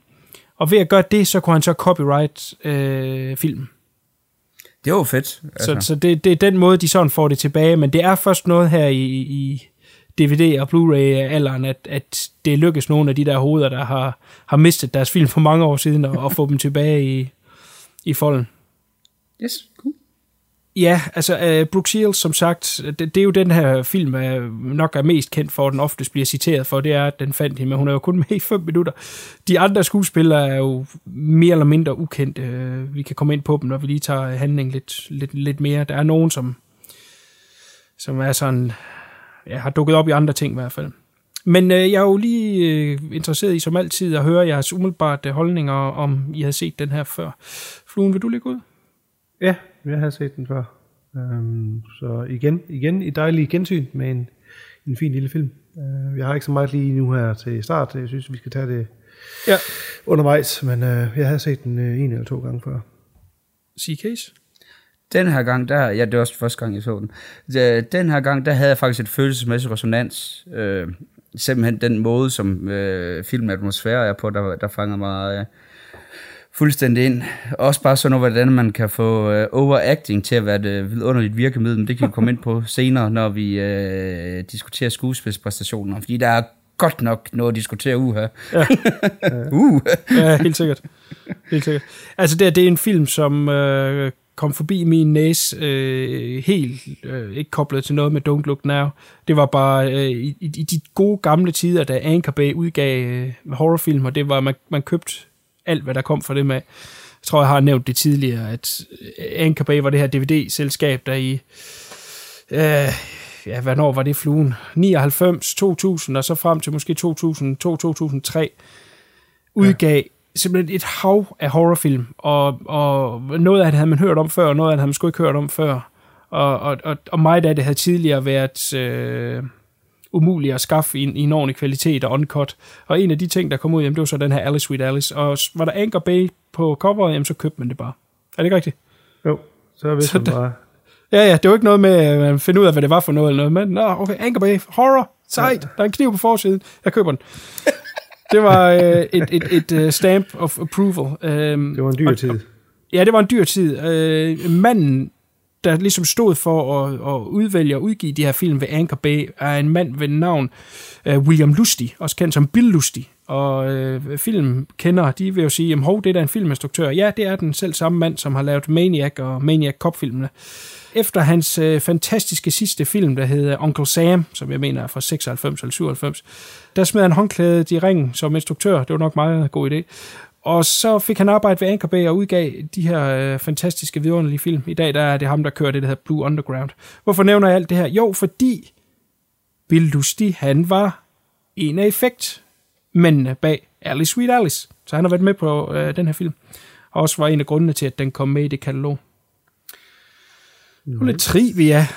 Det er nice med lidt trivia. Men øh, jeg har altid øh, synes det, at det var en fin film. Jeg har øh, altid haft en stor interesse i low-budget film, fordi at jeg selv interesserer mig for at, at, at lave film. Og det at kunne øh, banke en øh, produktion på ben øh, for få penge, og den her er lavet for få penge, den er lavet for 350.000 dollars, og have øh, den mængde af rekvisitter og, og, og set design, som den her film har, er øh, nærmest uhørt. Øh, så, øh, så det var det første, der lige sprang i øjnene. Og så har den mange fine hints, blandt andet jo så selvfølgelig til øh, Don't Look Now, men også til øh, de italienske Giallo-film fra, øh, fra start 70'erne af. Så det er jo næsten selvskrevende, at det var en film, jeg vil falde for. Godt. Jamen, skal vi lige uh, nappe handlingen lige en, en, en tand dybere. Uh, vi følger den her familie med en mor med, med to piger, katolsk, som bor i den her lille fedtede opgang, Øh, de bor sådan set pænt nok. De har sådan en underbo. Øh, jeg tror, jeg vil give fluen mulighed for at beskrive underboen. Det, jeg tror faktisk, at det er ham, der ejer... Øh, han er, ja, han er landlorden, ikke? Landlord, der var ordet, ja. yes. Hvordan vil du beskrive ham? Jamen, det er jo den menneskelige Jabba the Hutt. som er meget, meget glad for katte. ja. Og har pædofile øh, tendenser. Og jamen, virkelig en rigtig, rigtig nasty person. Ja, han er virkelig varm. Det er han. Han er virkelig varm. Han, øh, det, det, øh, jeg kan desværre ikke huske hans navn nu. Jeg tror, han hedder noget med Alfons eller andet. Han havde også sådan lidt specielt navn. Øh, han var ikke skuespiller. Jeg, jeg ved sige, kan I nok vil vende tilbage til det med skuespilleriet senere, men jeg vil bare lige nævne her, at han ikke var skuespiller. Øh, han erhvervede sig i, i lokalområdet ved at klæde sig ud som præst, og så gik han rundt på kirkegård, og når de... Øh, øh, øh, sørgende familier så var på besøg og lægge blomster på, øh, på gravstederne, så så de jo øh, en præst komme øh, gående, og så sagde, åh, vil du ikke nok sige en bøn for min afdøde mand, eller hvad det nu er. Så sagde han et eller andet bollocks, og så gav de ham lidt penge, og det levede han af. det er ret cool. så han var sådan lidt kendt i, i, i nærområdet. Øh, den her film er skudt i det, der hedder Patterson, New York. Det er den her lille by, der ligger på den anden side af, af New York, over på den anden side af floden, som, øh, som er sådan en lille, stille community, hvor øh, mange kender hinanden, og det, det er også derfor, blandt andet, at Alfred Soul havde mulighed for at lave den her film for så få penge, fordi alle ligesom støttede op om det. Uh, der er en del regnscener i filmen, og, og det er jo sådan noget, så ringte han bare til, til brandstationen, og så, ja, ja, selvfølgelig kommer vi og laver regn til, det er normalt ikke noget, man kan lave på low budget film, for det er vanvittigt dyrt. Godt, men øh, de to døtre her, som, som øh, moren har, der er den ene, det er så Karen, som er... Øh, øh, spillet af Brooke Shields. Hun er jo sådan øh, englebarn, drømmebarn, som er øh, køn og sød og, og gør, hvad hun får besked på. Og ja, en, øh, et ønskebarn, når man vil. Hvor Alice så er den, den slemme, den der, der, der driller og, og går lidt imod og, og stinkende misundelig på Karen. Øh, nok fordi, at hun er moderens yndlings, men også fordi øh, hun er kønner, og det er, kan man ikke sige, at Alice hun, er, hun har et meget specielt look. Ja. Og så er det jo så, at de skal til det her første nadver, hvor at øh, hun får øh, kjole og det hele, øh, Karen-karakteren, og, og Alice ikke får noget, og, og øh, hun har noget misundelighed omkring det. Ja, der er det med sløret. Øh, ja. Der er sådan slør med til, som øh, hun er meget misundelig på, øh, Alice-karakteren. Ja. Det får en vigtig rolle. Det gør det helt sikkert. Ja. Der er faktisk, inden der er der en dukke, som hun også er misundelig på, at Karen har. Ja, en dukke med to ansigter. Ja, ja, hint, hint. som, øh, som hun stjæler. Og så har hun sådan en lille rum nede i kælderen, mm. hvor hun gemmer alle de ting, hun har. Øh, og, og hun er sgu også en speciel en, hende her Alice, for hun har jo sådan nogle plastmasker, hun går rundt og driller hendes søster med. Og man gemmer sig, og så hopper frem, og så har hun sådan en plastmask på, hvor man ikke kan se øh, ansigtet som så. Ja. Øhm, og jeg ved ikke, om vi lige her skal løfte sløret for, øh, hvad linket, i hvert fald første omgang linket er til Don't Look Now, det er jo de her jakker. Jeg vil lige spørge CK, hvad farve har jakkerne i den her film? Blok gulige. Blok, blok gule, ja. ja. Hvis du lige trækker det blå ud af, af det, så er det rigtigt. De, de har de her gule jakker, som er fra en katolsk skole, som de går på, og gule regnfrakker. Uh, så det er sådan første hint til, til Don't Look Now. Uh, en ting mere, som jeg lige uh, glemte i sving, det er, at den lokale præst, som uh, familien er, ven med, også er utrolig glad for, for Karen-karakteren. Igen føler Alice sig overset. Det får et vigtigt rolle, eller vigtig, det er et vigtigt brik senere. Mm. Godt. Til den her første nadver, der øh, bliver øh, Karen myrdet af en person i en gul regnfrakke og uh. en gennemsigtig plasmaske. Kvæler hende, og så putter hende ned i en... Øh, ja, jeg ved sgu ikke, hvad det er. En kiste af en art. Og så, en skænk, ja. Kiste, en skænk, ja. ja. Og så øh, tænder et sterinlys og putter ned i, øh, i, i skænken her. Og, og så, ja, så brænder hun jo så dernede, og lugten kommer ind i, i selve øh, kirken, hvor de sidder inde, og, og det, der bliver hurtigt et ramaskrig, fordi det kan lugte det her brændende menneske. Øh, og det er sådan set uh, setup'et til, uh, til Alice, Sweet Alice. Hvad uh, tanker? Jamen, den får jo introduceret alle karaktererne rimelig effektivt, altså den, øh, jeg mener også allerede, er det ikke, får du ikke også allerede set Landlorden i... Øh, i jo. Så alle, alle karakterer kommer øh, mere eller mindre i spil på nær lige en enkelt vigtig en, vi ikke lige skal snakke om nu. Men ellers så bliver alt ligesom mere eller mindre øh, sat op nu. Du, du får det hele at vide, blandt andet med skilsmissefaren og sådan noget. Det er en meget økonomisk måde at, at, at fortælle den på. Altså, I mine noter har jeg skrevet fuldstændig sud ind efter 5 minutter, og øh, ja, den her scene, øh, det du har snakket om, det tager omkring 10 minutter af filmen. Mm. Og jeg var fuldstændig fanget. Altså, der, øh, øh, så for mig så fungerer det. Ja, helt ja. sikkert. Uh, hele den intro, som egentlig er en intro, uh, de her 5-10 minutter, er, og ligger bygget op, og som du siger, sige, kan man få alle karaktererne sådan rimelig hurtigt ind under huden, og, og faktisk øh, er der faktisk kun én øh, sympatisk øh, karakter, og det er præsten. Så du tænker på alle de andre mennesker, man ser op til, der hvor mor sker, er det alle sammen nogen, der er sådan lidt, enten er de træls, eller er de irriterende, øh, altså har ikke, har ikke på samme måde, at, at præsten er faktisk den eneste, der sådan rigtig er sympatisk, og man gider at, at holde med, quote unquote den fede underbo, hvor moren og morens søster og de der ligemænd, der, der bærer kisten i en bil, de er alle sammen sådan ligegyldige og, og har en, en træls uh, attitude. Det er måske bare ja. mig. Eller? Nej, nej. nej altså, igen, igen har vi noget med en forælder at gøre, ja. som helt tydeligt favoriserer øh, lille søsteren der. Det er der ingen tvivl om. Ja. Så jeg var også fuldstændig, fuldstændig suget ind, og der, der, bliver, der bliver linjerne godt nok uh, kridtet op. Ja. Ja, helt sikkert. Godt, men øh, i øh, kølvandet på det her, der sker der flere ting. Det første, det er, at øh, faren kommer til byen, som øh, Sika rigtig sagde, så øh, er forældrene skilt, og han er gift igen til anden side, men han kommer så hjem for at, at støtte omkring det her, selvfølgelig at være med til begravelsen af hans øh, datter. Og så er der også en øh, politiundersøgelse, der bliver sat i gang. Der er ret hurtig fokus omkring Alice, fordi som fluen teasede lidt tidligere, så er der det her med et... Øh, et sjal, som øh, pigen havde, øh, Karen havde, som øh, hun går rundt med i hendes jakke. Som de så prøver at finde ud af, hvor hun har fået det fra, og det er jo både noget med løgndetektor og, og hvad det ellers er. Hvad, hvad ham den unge politimand der, hvem helvede er det, han ligner? Ligner han Brad Pitt, eller hvad er det, han gør?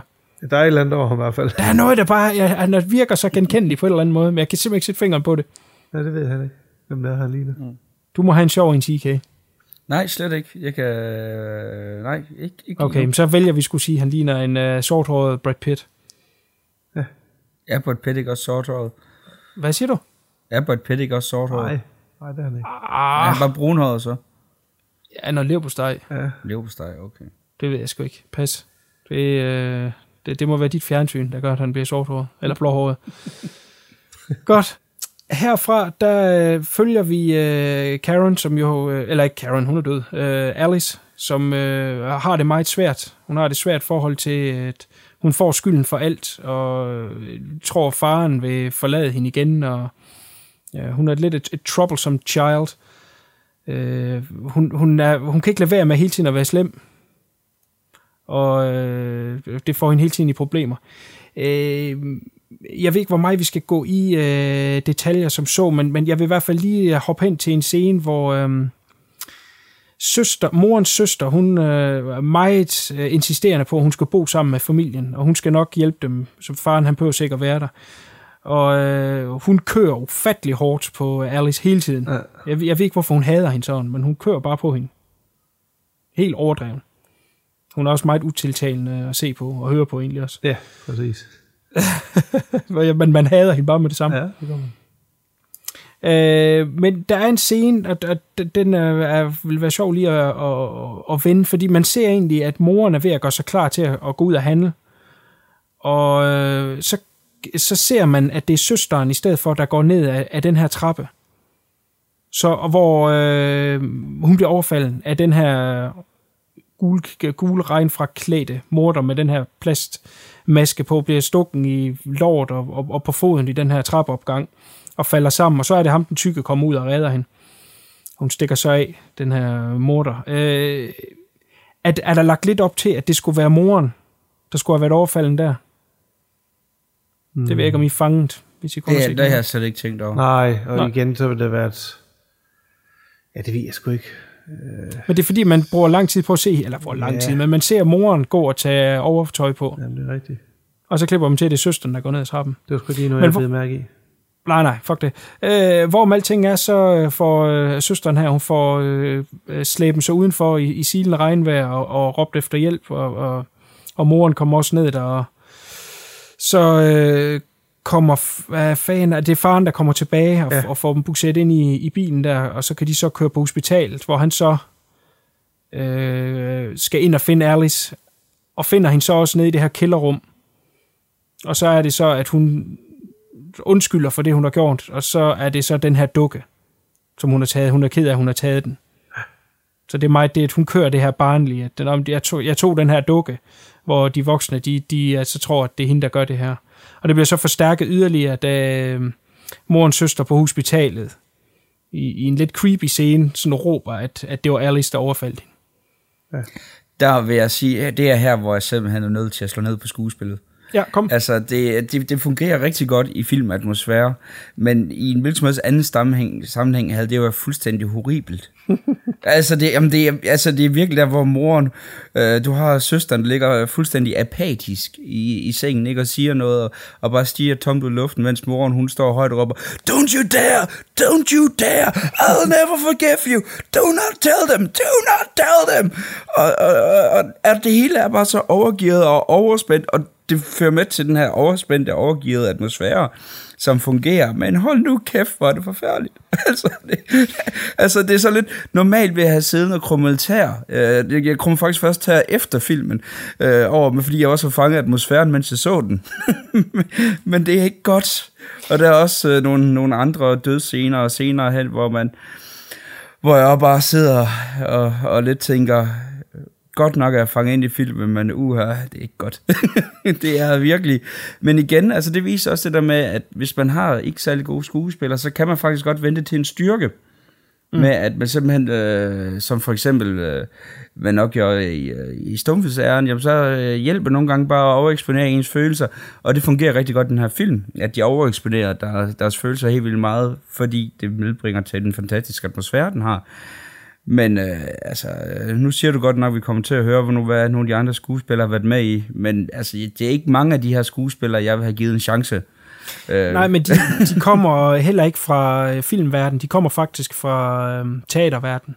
Fordi Alfred okay. Soul øh, gik rundt til øh, øh, de her forskellige øh, teaterstykker, der nu var i, i området, og, og, og sikkert også inde i New York. Og så når, hvis der var nogen, han synes, de passede godt til, så øh, ventede han simpelthen bare ude i, i øh, The Back Alley, til de kom ud. Og så spurgte, jeg, jeg har lavet, den- øh, jeg vil lave den her film, er det noget, du kunne være interesseret i? Og så enten så sagde de ja, eller så sagde de nej, og måske, hvis han var rigtig heldig, kunne de henvise til, til en anden. Og det var sådan set måden, han kastede størstedelen af, af den her film på. Det giver jo også mening, hvis du er amatørskuespiller, Ja. der har en teaterbaggrund, Det gør det. fordi de, de, de har en teatermåde at gøre det på, mm. som normalt bare ikke passer på film, hvor når du har en, kamera, der er så tæt på, så plejer det ofte at være en vanedtoning, øh, der fungerer. Ja, det er det der med, at de skal, de skal nå ud på bagerste rækker, når de, ja. når de performer. Ja. Ikke? Og, og det kan man tydeligt se i den her film. Altså, det, så, men jo, altså, øh, jeg kan ikke rigtig have skuespillet, fordi det får med til at De fungerer at få jo. filmen til at fungere, ja. men det er, det skal lige, lige nævnes.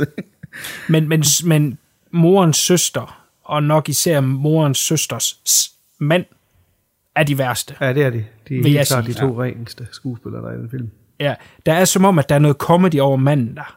Ja, han er sådan Uden en comic Der rigtig er noget comedy. Ja. ja, der er et eller andet over, Det er der. som er lidt irriterende. Altså, hvis vi lige skal hurtigt tage hende Alice karakteren, der, jeg Ja, synes, endelig. er, hun er, der er sådan noget utrolig creepy over hendes, i hendes øjne. Der er et eller andet Ja. ja. i hendes øjne, der virker utrolig truende, fartruende. Hvor gammel tror du, hun er? Hun er 19, da de optog den. Åh, oh, de baste, det var du inde og tjekke. Ja, selvfølgelig er det. Er hun virkelig 19? Det havde jeg ikke troet. Ja, hun er 19. Det er det, Jeg de... troede, hun... Ja, ja, det var sådan noget med, at når, de, når imellem takes, stod hun og røg cigaretter. Ja. Som de sagde, det var så rimelig underligt. Men det, det kan, man kan også godt høre det på hendes stemme. Du kan godt høre, at hun lige har den lidt ældre øh, stemme, der, men hun ligner jo en på, ja, hun skal forestille at være 12. Ja, Så, men hun var 19, ja. Og hun Ja. har vist kun været med i en film mere, mere ud over den der, ikke? Det tror jeg. Ja, det er ikke, øh, det er ikke de store karrierer, der er kommet ud af det her, Nej. foruden selvfølgelig Brooke Shields, som ja, var jo ufattelig stor i starten af 80'erne i hvert fald. Ja. Godt. Ja. Så grundet øh, de øh, belastende øh, øh, vidnesbyrd, så øh, er der ikke anden øh, for, øh, for ordensmagten at få for Alice indlagt. Og det er blandt andet her, som jeg nævnte før, det her med hendes, hendes frygt for, at, at i hvert fald moren hader hende, og, og faren skal forlade hende, øh, er i den her scene. Hun lover jo, at hun nok skal være god. Hun skal nok være sød. Ja, det er ret sjovt her, øh, efter hun er blevet indlagt pigen, hvordan at... Øh, øh, nu skal jeg nok lade med at, at spoil, men der skifter filmen faktisk synsvinkel. jeg synes godt, vi må pludselig- lægge en spoiler, Sigge, Ja, for at okay, være helt ærlig. Øh, Ja. Altså, den her film, den er, ligger frit tilgængelig på øh, YouTube i flere forskellige kopier. Så øh, hvis, hvis man synes, det lyder interessant, og som et godt companion piece til Don't Look Now, så endelig gå ind og se den. Og, og, og så vende tilbage hertil. Og man bare er nysgerrig, så lyt videre. Men, men jeg synes, forhold til, at vi kan linke den ordentligt til Don't Look Now, så bliver vi sgu nødt til at spoile lidt. Godt. Det fede er så, at man tager, øh, og, og her den sidste halve time af filmen, der skifter jo synsvinkel. Der ser du det ud fra morderens syns, øh, hvor det er hende, du følger. Og det viser jo så, at det er den her øh, ældre dame, som tager sig af præsten. Øh, hende, som mere eller mindre opfoster præsten, ja. og alt det der, og, og hvordan hun har en form for øh, jalousi øh, over, over for øh, den her familie, øh, over at de føler, at de er ved at tage præsten fra hende. Ja, fordi præsten, som jeg sagde, var meget glad for Karen. Ja, og så er det, hun har hele det der med, at hun selv har mistet hendes barn på et tidspunkt. Mhm. Det er faktisk, hun er faktisk, det er ret sjovt, fordi den skurken er faktisk utrolig øh, psykologisk øh, kompleks. Øh, Jeg synes faktisk, de, de gør noget rigtig fedt ved skurken her ved, at hun får faktisk et par lag her, selvom ja, hun ikke spiller så godt. Men det, de får faktisk nogle, nogle lag omkring det der med, jamen grund til, at hun slår børnene ihjel. Altså det er jo hele den der med, at der føler hun, at det er Guds straf, at det er måden, man straffer ifølge Gud, fordi det er sådan, hun selv er blevet straf. Hun er jo den her dybt øh, religiøse menneske, og det er jo igen et, øh, et throwback tilbage til Don't Look Now, og så også det der med, at det er en ældre kvinde, der er morderen, bare ikke dværg i det her tilfælde. Ja. Men, men der, er, der er virkelig nogle, nogle ting, der, der, der går igen. Altså, øh, der vil jeg sige, at hele mor- morderkarakteren for mig fungerer sindssygt godt. Altså. Ja, altså øh, øh, nu forecaster du lige, at, at hun er morderen, men måden vi finder ud af det på, er, er faktisk lidt eller Don't Look Now, i det at ja, faren han bliver ringt op af øh, moren, øh, hvad hedder det, kone, ekskonens øh, søsters datter, altså søs, øh, hende, der blev overfaldet, som siger, at hun har sjælet, og så øh, at de skal mødes på et bestemt sted, og så tager faren derhen, og så ser han så øh, den her karakter i den, den gule regnfrak med, med mask på. Jeg tror selvfølgelig stadigvæk, at det er den lille pige her. Og øh, hun fører ham så hen til den her øh, ja, faldefærdige hus, sådan lidt isoleret, hvor hun så øh, overfalder ham og, og binder ham. Og der tager hun så masken af, og der finder vi så ud af, at det er den her husholdske, der er hos præsten, som siger, kan jeg rigtig sige, har haft... Øh, ja, eller ja, ja, altså hun, har, hun føler, at det er hans, Øh, at, at, hun er, at han tilhører hende, og, og, og det, at han i starten viste øh, øh, kærlighed over for øh, blandt andet Ka- Karen-karakteren, ved at give hende et, et smykke, der havde været fra hans familie, af, det, det gør hende så jaloux, og, og, og det efter pigens død her, at han så støtter familien, gør bare, at hun har endnu større had til dem.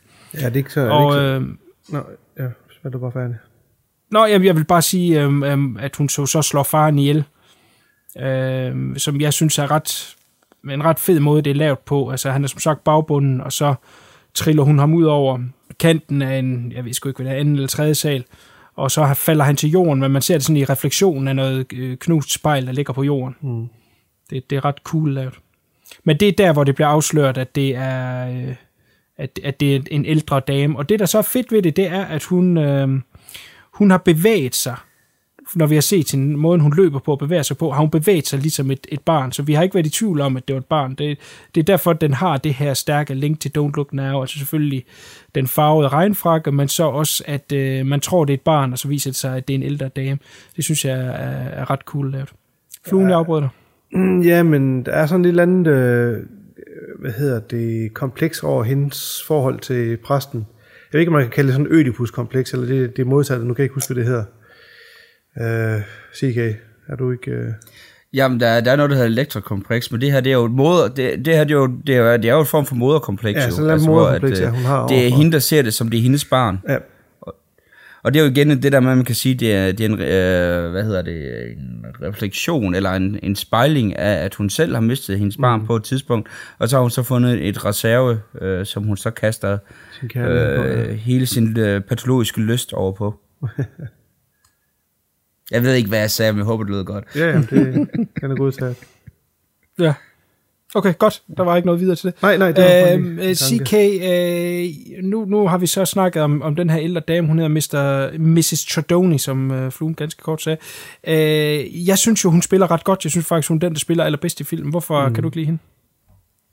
Jamen det er igen den scene der, hvor, øh, hvor han bliver slået ihjel. Øh, manden, de, hvor han bliver rullet. Altså, hvor de også, er der også igen det der med, hvor de jo virkelig bare overspiller med det der råben og, og, og, og skrigen der, og, og igen, øh, som jeg hele tiden siger, atmosfæren har fanget mig ind, men skuespillet er hele tiden lige ved med at rive ud af den. Altså, men det, det skete så ikke på noget tidspunkt. Jeg blev ved med at være fanget ind af den. Det synes jeg godt nok ikke Men det var lige, lige på grænsen. Det synes jeg slet ikke i den morscene. Det synes, det var Nej, det gør jeg godt nok heller ikke. Rigtig, rigtig fedt lavet. Tværtimod, ja, det synes jeg også er super fedt. Hun er også den, der har haft øh, den bedste karriere. Hun har blandt andet spillet hun øh, Al Pacinos mor i øh, Serpico. Uh, det var en god rolle. Ja, så øh, jeg, jeg synes, hun er den, der gør det bedste, og det kan man jo sige, sådan en type film her, at det vil jo oftest være, eller det er i hvert fald en god idé at have den, den, den bedste skuespiller til skurken, når, når de skal levere de her øh, ja, øh, idéer bag, hvorfor de gør alt det her. Det skal, det skal kunne øh, leveres troværdigt på en måde. Det synes jeg, det gør her i, faktisk. Mhm. Helt og det er for mit vedkommende øh, med til at, at, at validere filmen, at, at hun gør det så godt, som hun gør. Så det er jeg da egentlig lidt ked af, at du synes. Men øh, nu vel. Efter faren er, er død her, så øh, er, er hun jo desperat på en måde. Øh, nu er der jo ingen vej tilbage. Og øh, hun vælger så at gå til, øh, til første nadver.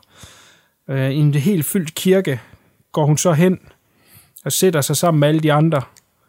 Øh, politiet har fundet ud af, at øh, det er hende, der står bag, og så de er klar til at anholde hende, men præsten siger, øh, jeg kan godt få hende til at overgive sig frivilligt, så han øh, fortsætter med, med nadveren og øh, Jesu Kristi læge og hvad de nu ellers siger, og kommer hen til hende. Sjovt nok springer han igen øh, Alice over. Ja. Hun, hun sidder lige ved siden af og med tungen ude og skulle lige til at få, få kiksen på munden, som man siger, men så blev hun sprunget over igen. Igen, ja. Øh, ja, det, det kan være, det får øh, øh, følger i en tor. Men, øh, og går direkte hen til Miss Tradoni og, og prøver så at få hende til at overgive sig.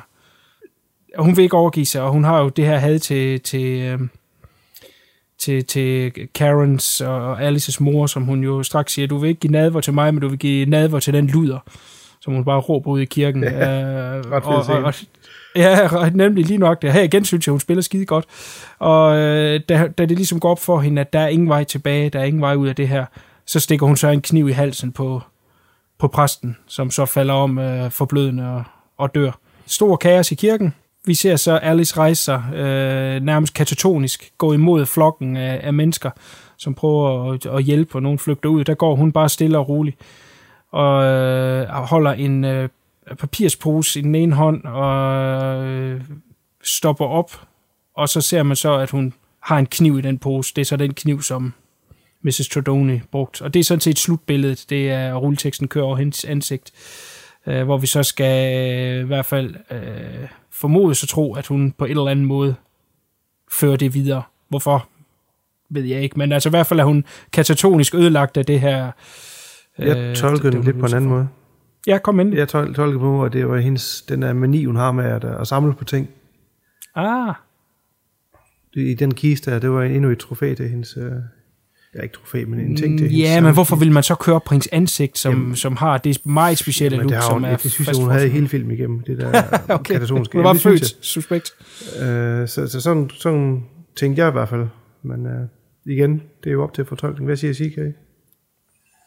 Jamen, det er jo, øh, altså som du selv siger, det er jo lidt op til fortolkning. Altså, det er jo en af de her, når det er en, en horrorfilm, især den periode, hvor den blev lavet, det er, hvis det blev, en, øh, hvis det blev et hit, så kunne man jo altid have lavet en fortsættelse, mm. så den ligger op til, at man sagtens skulle komme med en form for, for fortsættelse. Så måske også til det med, for eksempel, nu snakker vi om Sleepaway Camp helt tilbage til vores aller, aller første. Mm. Et forsøg på at slutte af med et uh, ikonisk fastbryllet, øh, Ja. ja. fastfrosset billede, som øh, man aldrig nogensinde vil glemme. Øh, det kan også godt være, det er deres forsøg på det, på mm.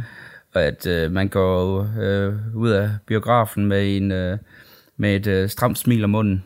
Hvis du forstår, hvad jeg mener. Ja. Øh, at det er simpelthen det der med en følelse af unease og, ja. og uhygge.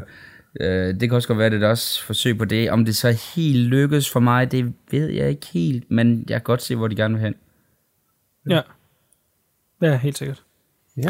Men det er uh, Alice Sweet Alice, som er en, en lille low-budget thriller, som er en homage til blandt andet Don't Look Now. Uh, manden bag, som sagt, han hed Alfred Soul. Han instruerede en, en 3-4 film der i, i den periode, slutningen af 70'erne, lige op til starten af, af 80'erne, men han blev hurtigt træt af at, at, at være instruktør, og specielt da han ligesom flyttede fra hans lille Patterson og ud til, til Hollywood, hvor det lige pludselig var meget svært at få lavet film. Hvis man ville have regn i sin film, så var det pludselig et kæmpe problem.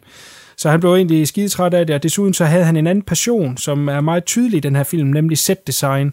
Mm. Øhm, den her film, den foregår i 60'erne, men den er jo så filmet i midt-70'erne, så sådan 10 år gamle ting, han øh, har været ude at finde og skaffe for at sætte ind øh, i den her film, for at give den stemning. Og det er jo noget, han sætter stor pris på og, og har store evner for, og det er det, han lever af i dag, der er han øh, simpelthen set designer. Og han er fast øh, set designer på den tv-serie, der hedder Castle, som jeg vist har strejfet en enkelt gang før. En serie, jeg følger med med øh. Nathan Fillion, som er den her forfatter, der øh, opklarer mor sammen med politiet. Men, øh, men men det er det, som han øh, øh, øh, lever af i dag. Men han har så en øh, nevø, som hedder Dante Tomaselli. Det ved jeg ikke, om det er et navn, der siger jeg noget. Nej. Nej, han er en øh, horror-instruktør, som øh, første gang stak næsen op i øh, slutningen af 90'erne med en film, der hedder Desecration, og siden han lavet nogle øh, enkelte små hits undervejs. Men øh, han har øh, med øh, onkels øh, velsignelse fået lov til at lave en genindspilning af Alice Sweet Alice. Det blev øh, vist annonceret allerede tilbage i 09 eller 10 eller sådan noget. Det er i hvert fald ved at være nogle år siden, men, men den skulle være på trapperne i løbet af 15. Så må vi se, hvad, oh, okay. hvad han kan gøre ved den. Men det er da interessant at få en, en opdateret udgave af, af den her film. Spændende. Ja. En slutteligt lille trivia, det er moren, hun spilles af en skuespiller, der hedder Linda Miller. Hendes mand er Jason Miller fra Exorcisten. Ah, Og de har fået en søn. Ved I, hvad han hedder? Dennis Miller. Jeg ved ikke, det var en gæt. Han hedder Jason Patrick. Ah. Ah. Ja, ja. Ah, Og hun har været med, Linda Miller her. Hun var med i en anden udmærket film, lige fordi du sagde, at de ikke havde været med så meget, jo, eller i hvert fald ikke var noget, der var værd at snakke om. Der er den, der hedder Night of the Juggler, med James Brolin, som var sådan uh, datidens Taken, om en uh, bortførelse, og så en mand, der, jeg mener, han er tidligere politimand eller sådan noget, James Brolin, som så skal ud og hævne i undergrunden af New York. Mm-hmm. Også en ret fed film. Men øh, der spiller hun også med i, så, så de har været med lidt, nogle af dem. Men øh, ja, det var nogle no-names, han tog. Men det er som sagt en low-budget film. Synes jeg også, man skal se den for. Helt sikkert. Kan vi lige hurtigt vende uh, musik? Ja, gerne. Jeg synes, uh, det er helt klart, at uh, Mancini har fået inspiration til fredag den 13. soundtrack i den her. Der, jeg synes, der var rigtig mange strofer og, og de steder brudstykker i den her film, som man helt, helt tydeligt kan genkende i musikken fra fredag den 13. Jeg ved ikke, om det er den eneste, der mærke til det. Altså, hvis det er rigtigt, så er det lidt pinligt, at jeg ikke har lagt mærke til det, da vi begge to er fredag den 13. Ja, men se den igen, og så, øh, så lyt, for det, det er der. Og der er også øh, tilgængelig den her, den låner så lidt af Psycho, der hvor X-Man bliver angrebet på trappen, er der helt mm. sikkert også nogle brudstykker og nogle af de dybe toner, der som jeg bare sad og Ja. tænkte, okay, det er Psycho. Ja, det vil jeg give dig ret i. Det vil jeg give dig ret i. Men han er også, øh, hvad hedder det, øh, stor fan og, og scholar af øh, Hitchcock, ja. Hvilket der også er lidt øh, for foruden musikken. Øh, Øh, nogle scener her i, hvor, hvor vi ser, at, at han har lånt lidt for Hitchcock af. Helt sikkert. Men den med Psycho, den vil jeg gerne øh, tilslutte mig. Ja, og så lige prøve at se den igen. Og så var der lige en, en lille hurtig en til Romero, har han sikkert har lånt derfra. Øh, der hvor de sidder og spiser. Øh, man ser jo et tidspunkt, de sidder og spiser præsten og hende, Mrs. Øh, Travoni. Og ham, ham den anden gammel, er det en gammel præst, der bor ved dem, eller hvordan? Ja. ja. Ja. Sidder for enden og råber, I want my cake now! det er helt sikkert Romeros øh, lille 20 til, Creepshow. til Creepshow, ja. Det har jeg godt nok ikke tænkt på. Nej, men det, jeg sad bare og tænkte, det ligner bare den samme scene. Det er en gammel, øh, gammel mand, og der sidder og råber og skriger for og så er en kvinde, der står ved siden af. Altså det, det var helt tydeligt for mig, at det var... Jeg ved ikke, om det er med vilje, men det er i hvert fald øh, som at se Creepshow-scenen. Jamen, er det ikke King, der har skrevet den? Jo, han er, han er, det er jo nok King, men det er jo... Det er jo godt, ja, det ved jeg ikke, om det så er ham, eller det er Romero, der har, de, står bag det, det skal jeg ikke kunne sige. Skrev den ikke begge to, Nej, eller? det, det ved jeg heller ikke. Ja, ja, Men det er er da i hvert fald en sjov lille ting. Det har jeg slet ikke fanget. Nå, Øh, og så er der lige, jeg synes noget med, med, når vi lige snakker teknik, jeg synes, der er flere scener, hvor der er noget, der, det synes, det ser underligt ud. Skudt underligt. Altså ansigter, ja. for eksempel. Hvor der er utrolig meget luft over hovederne, og, og en Ja. hane næsten rammer den nederste del af Yes. skærmen. det er der også en forklaring på. Nå, okay. Det er jo som sagt low budget film, ja. Og øh, det de gjorde, det var, at de skød øh, så meget de kunne, inden de lå tør for penge. Men altså nogle gange kunne der godt gå øh, en måned eller to ja. mellem optagelser. Oh, så, øh, så crew, det skiftede meget ud. Og øh, jeg synes, at det, det taler til øh, god styring fra instruktøren af, men også held selvfølgelig, at de kunne have så ens en visuel film. Men faktisk så er der ni forskellige fotografer på den her film. Okay. Det er jo nærmest uhørt. Ja. Og, øh, men, men, men, men kvaliteten af, hvad de kunne, var måske... Øh, ja, det gik lidt op og ned. Og, og, og noget af det, der er der altså skudt med det, der hedder flag ind i billedet. Et flag, det er så noget, du sætter på øh, kameraet, som kan øh, afskærme lyskilder. Altså for eksempel, hvis der er, du filmer udenfor, ja. kan der er solen, så har du sådan en lang skærm ud, og det, det kalder man for et flag. Eller hvis du har kunstlys indenfor, så har du flag på siderne, for, simpelthen for at skærme lys af. Men det er jo simpelthen med i billedet. Okay. Så da øh, Belusti skulle lave den her kopi til Anchor Bay, så har man simpelthen været inde og lave nogle digitale zooms Ah, undervejs. okay. Og det tvinger jo altså øh, en ny beskæring af billedet. Ja. Og, og det er korrekt, i nogle af nærbillederne af ansigterne, der, der, der bliver det lige en ekstra, øh, der bliver det lige lidt mere tight i, i beskæringerne. Ja, okay, men jeg tænkte nok, der var en, en grund. Altså, ville man have brugt mange penge på den her film øh, i, i at udgive den, jamen så kunne man måske have været inde og fjerne de flag digitalt, og så lade være med at, at zoome ind. ja. Men, men, men det er klart, det andet er noget nemmere. Okay. Helt sikkert. Ja. Der er faktisk nogle, nogle steder i filmen, hvor du kan se zoomet, øh, altså hvor, hvor det er et aktivt zoom, som man siger. Det er ikke bare, at de klipper til en tættere beskæring, men hvor det rent faktisk Ja. er et lille zoom i bevægelsen. Øh, de fleste vil jo nok øh, afskrive det som værende, at man har zoomet, da man filmede det, men, men det er altså noget, der er sket øh, ja, 25 år efter i, i øh, efterarbejdelse til, til, til den her DVD. Okay. Yes, uh, Kuno spørger mig, om jeg kan lide filmen. Eller om jeg vil anbefale den. Øh, vil du anbefale? Ja, det vil jeg godt. Øh, til dem, der kan lide slasher, så øh, prøv den. Til dem, som kan lide atmosfæriske film, øh, så prøv den. Det er godt. Flue, Ja, hvad er dine tanker omkring den her film? Jamen, øh, jeg synes også, det er en fin øh, slasher-thriller-whodunit-agtig film. Og man skal se den. Den har en, øh, en god atmosfære, og selvom der er nogle skuespillerpræstationer, som Sige kan vinde på, måske er lidt overkarikeret, så, så har den faktisk en, en ganske øh, fin øh, stemning og, og en ganske fin atmosfære, så helt klart en, jeg vil anbefale. Ja, enig. Enig, enig. Jamen, øh, igen, det, det, det er en lille film, det her, og man skal ligesom være til øh, low-budget film fra 70'erne, fordi så automatisk, så, så godkender man det lidt svage skuespil, og, som jeg ikke synes er så udtrykt, som CK lader det til. Øh, Nej. men, men, men der er der nogle præstationer undervejs, som måske ja, man kunne ønske lidt bedre. Men øh, overall synes jeg, synes jeg at det er, en, altså, det er en low-budget film, som har fået utrolig meget ud af ingenting. Ikke? Altså, den er der for 350.000 dollars. Selv i 76 var altså ingenting. Nej. Den har fået det her univers op at stå, som, som foregår i, i, i 60'erne. Der, den mangler sgu ikke noget, øh, synes jeg. Den har et fedt twist undervejs, og... Øh, Øh, ja, altså skurken, synes jeg, leverer en, en, en overbevisende indsats, øh, præstation, og det, det synes jeg er vigtigt for sådan en type film her, så øh, den, den bliver skåret lidt ved en. Jeg synes, det er en fed slutning i kirken. Ja, det er helt sikkert. Det, det er, den, den følger det helt til dørs. Så jeg vil helt sikkert også anbefale men nok især som et companion piece til Don't Look Now. Mm. Så er man villig til at, at, at, at give den en chance efter man set Don't Look Now, så tror jeg sgu ikke, man bliver skuffet. Man skal nok ikke gøre det omvendt. Nej. Øh, tænker jeg. Det er nok dumt. Det skal man ikke. Alligevel. Godt, jamen det var fint, vi lige kunne vende en, en bitte film også. Ja. Ja, godt. Jamen, øh, så vil jeg lige, som jeg altid gør, opfordre til, at man skriver ind på Facebook. Gør det nu for satan. Eller vi sender CK efter. Og øh, det samme gælder folk, der henter ind på iTunes med lidt stjerner og en kommentar derinde, vil være dejligt. Næste uges film, det er PT Ukendt. Så øh, hold øje med Facebook, så vil det blive øh, afsløret derinde. Det skal nok nå at blive spændende. Mhm. Det er nemlig CK's valg, og CK han skulle, øh, han skulle ind og se Brandberg rykker ud på TV2 Zulu. Så, eller hvad fanden hedder det? Charlie. så han kunne ikke øh, være med til det sidste her. Så det er ham, der har valgt filmen. Jeg ved ikke, hvad han har valgt. Det ved jeg ikke. Det bliver Godt. spændende. Nej, det må, øh, det må blive afsløret øh, på øh, fjesen. Vi finder jo nok ud af det også to. Ja, må ikke.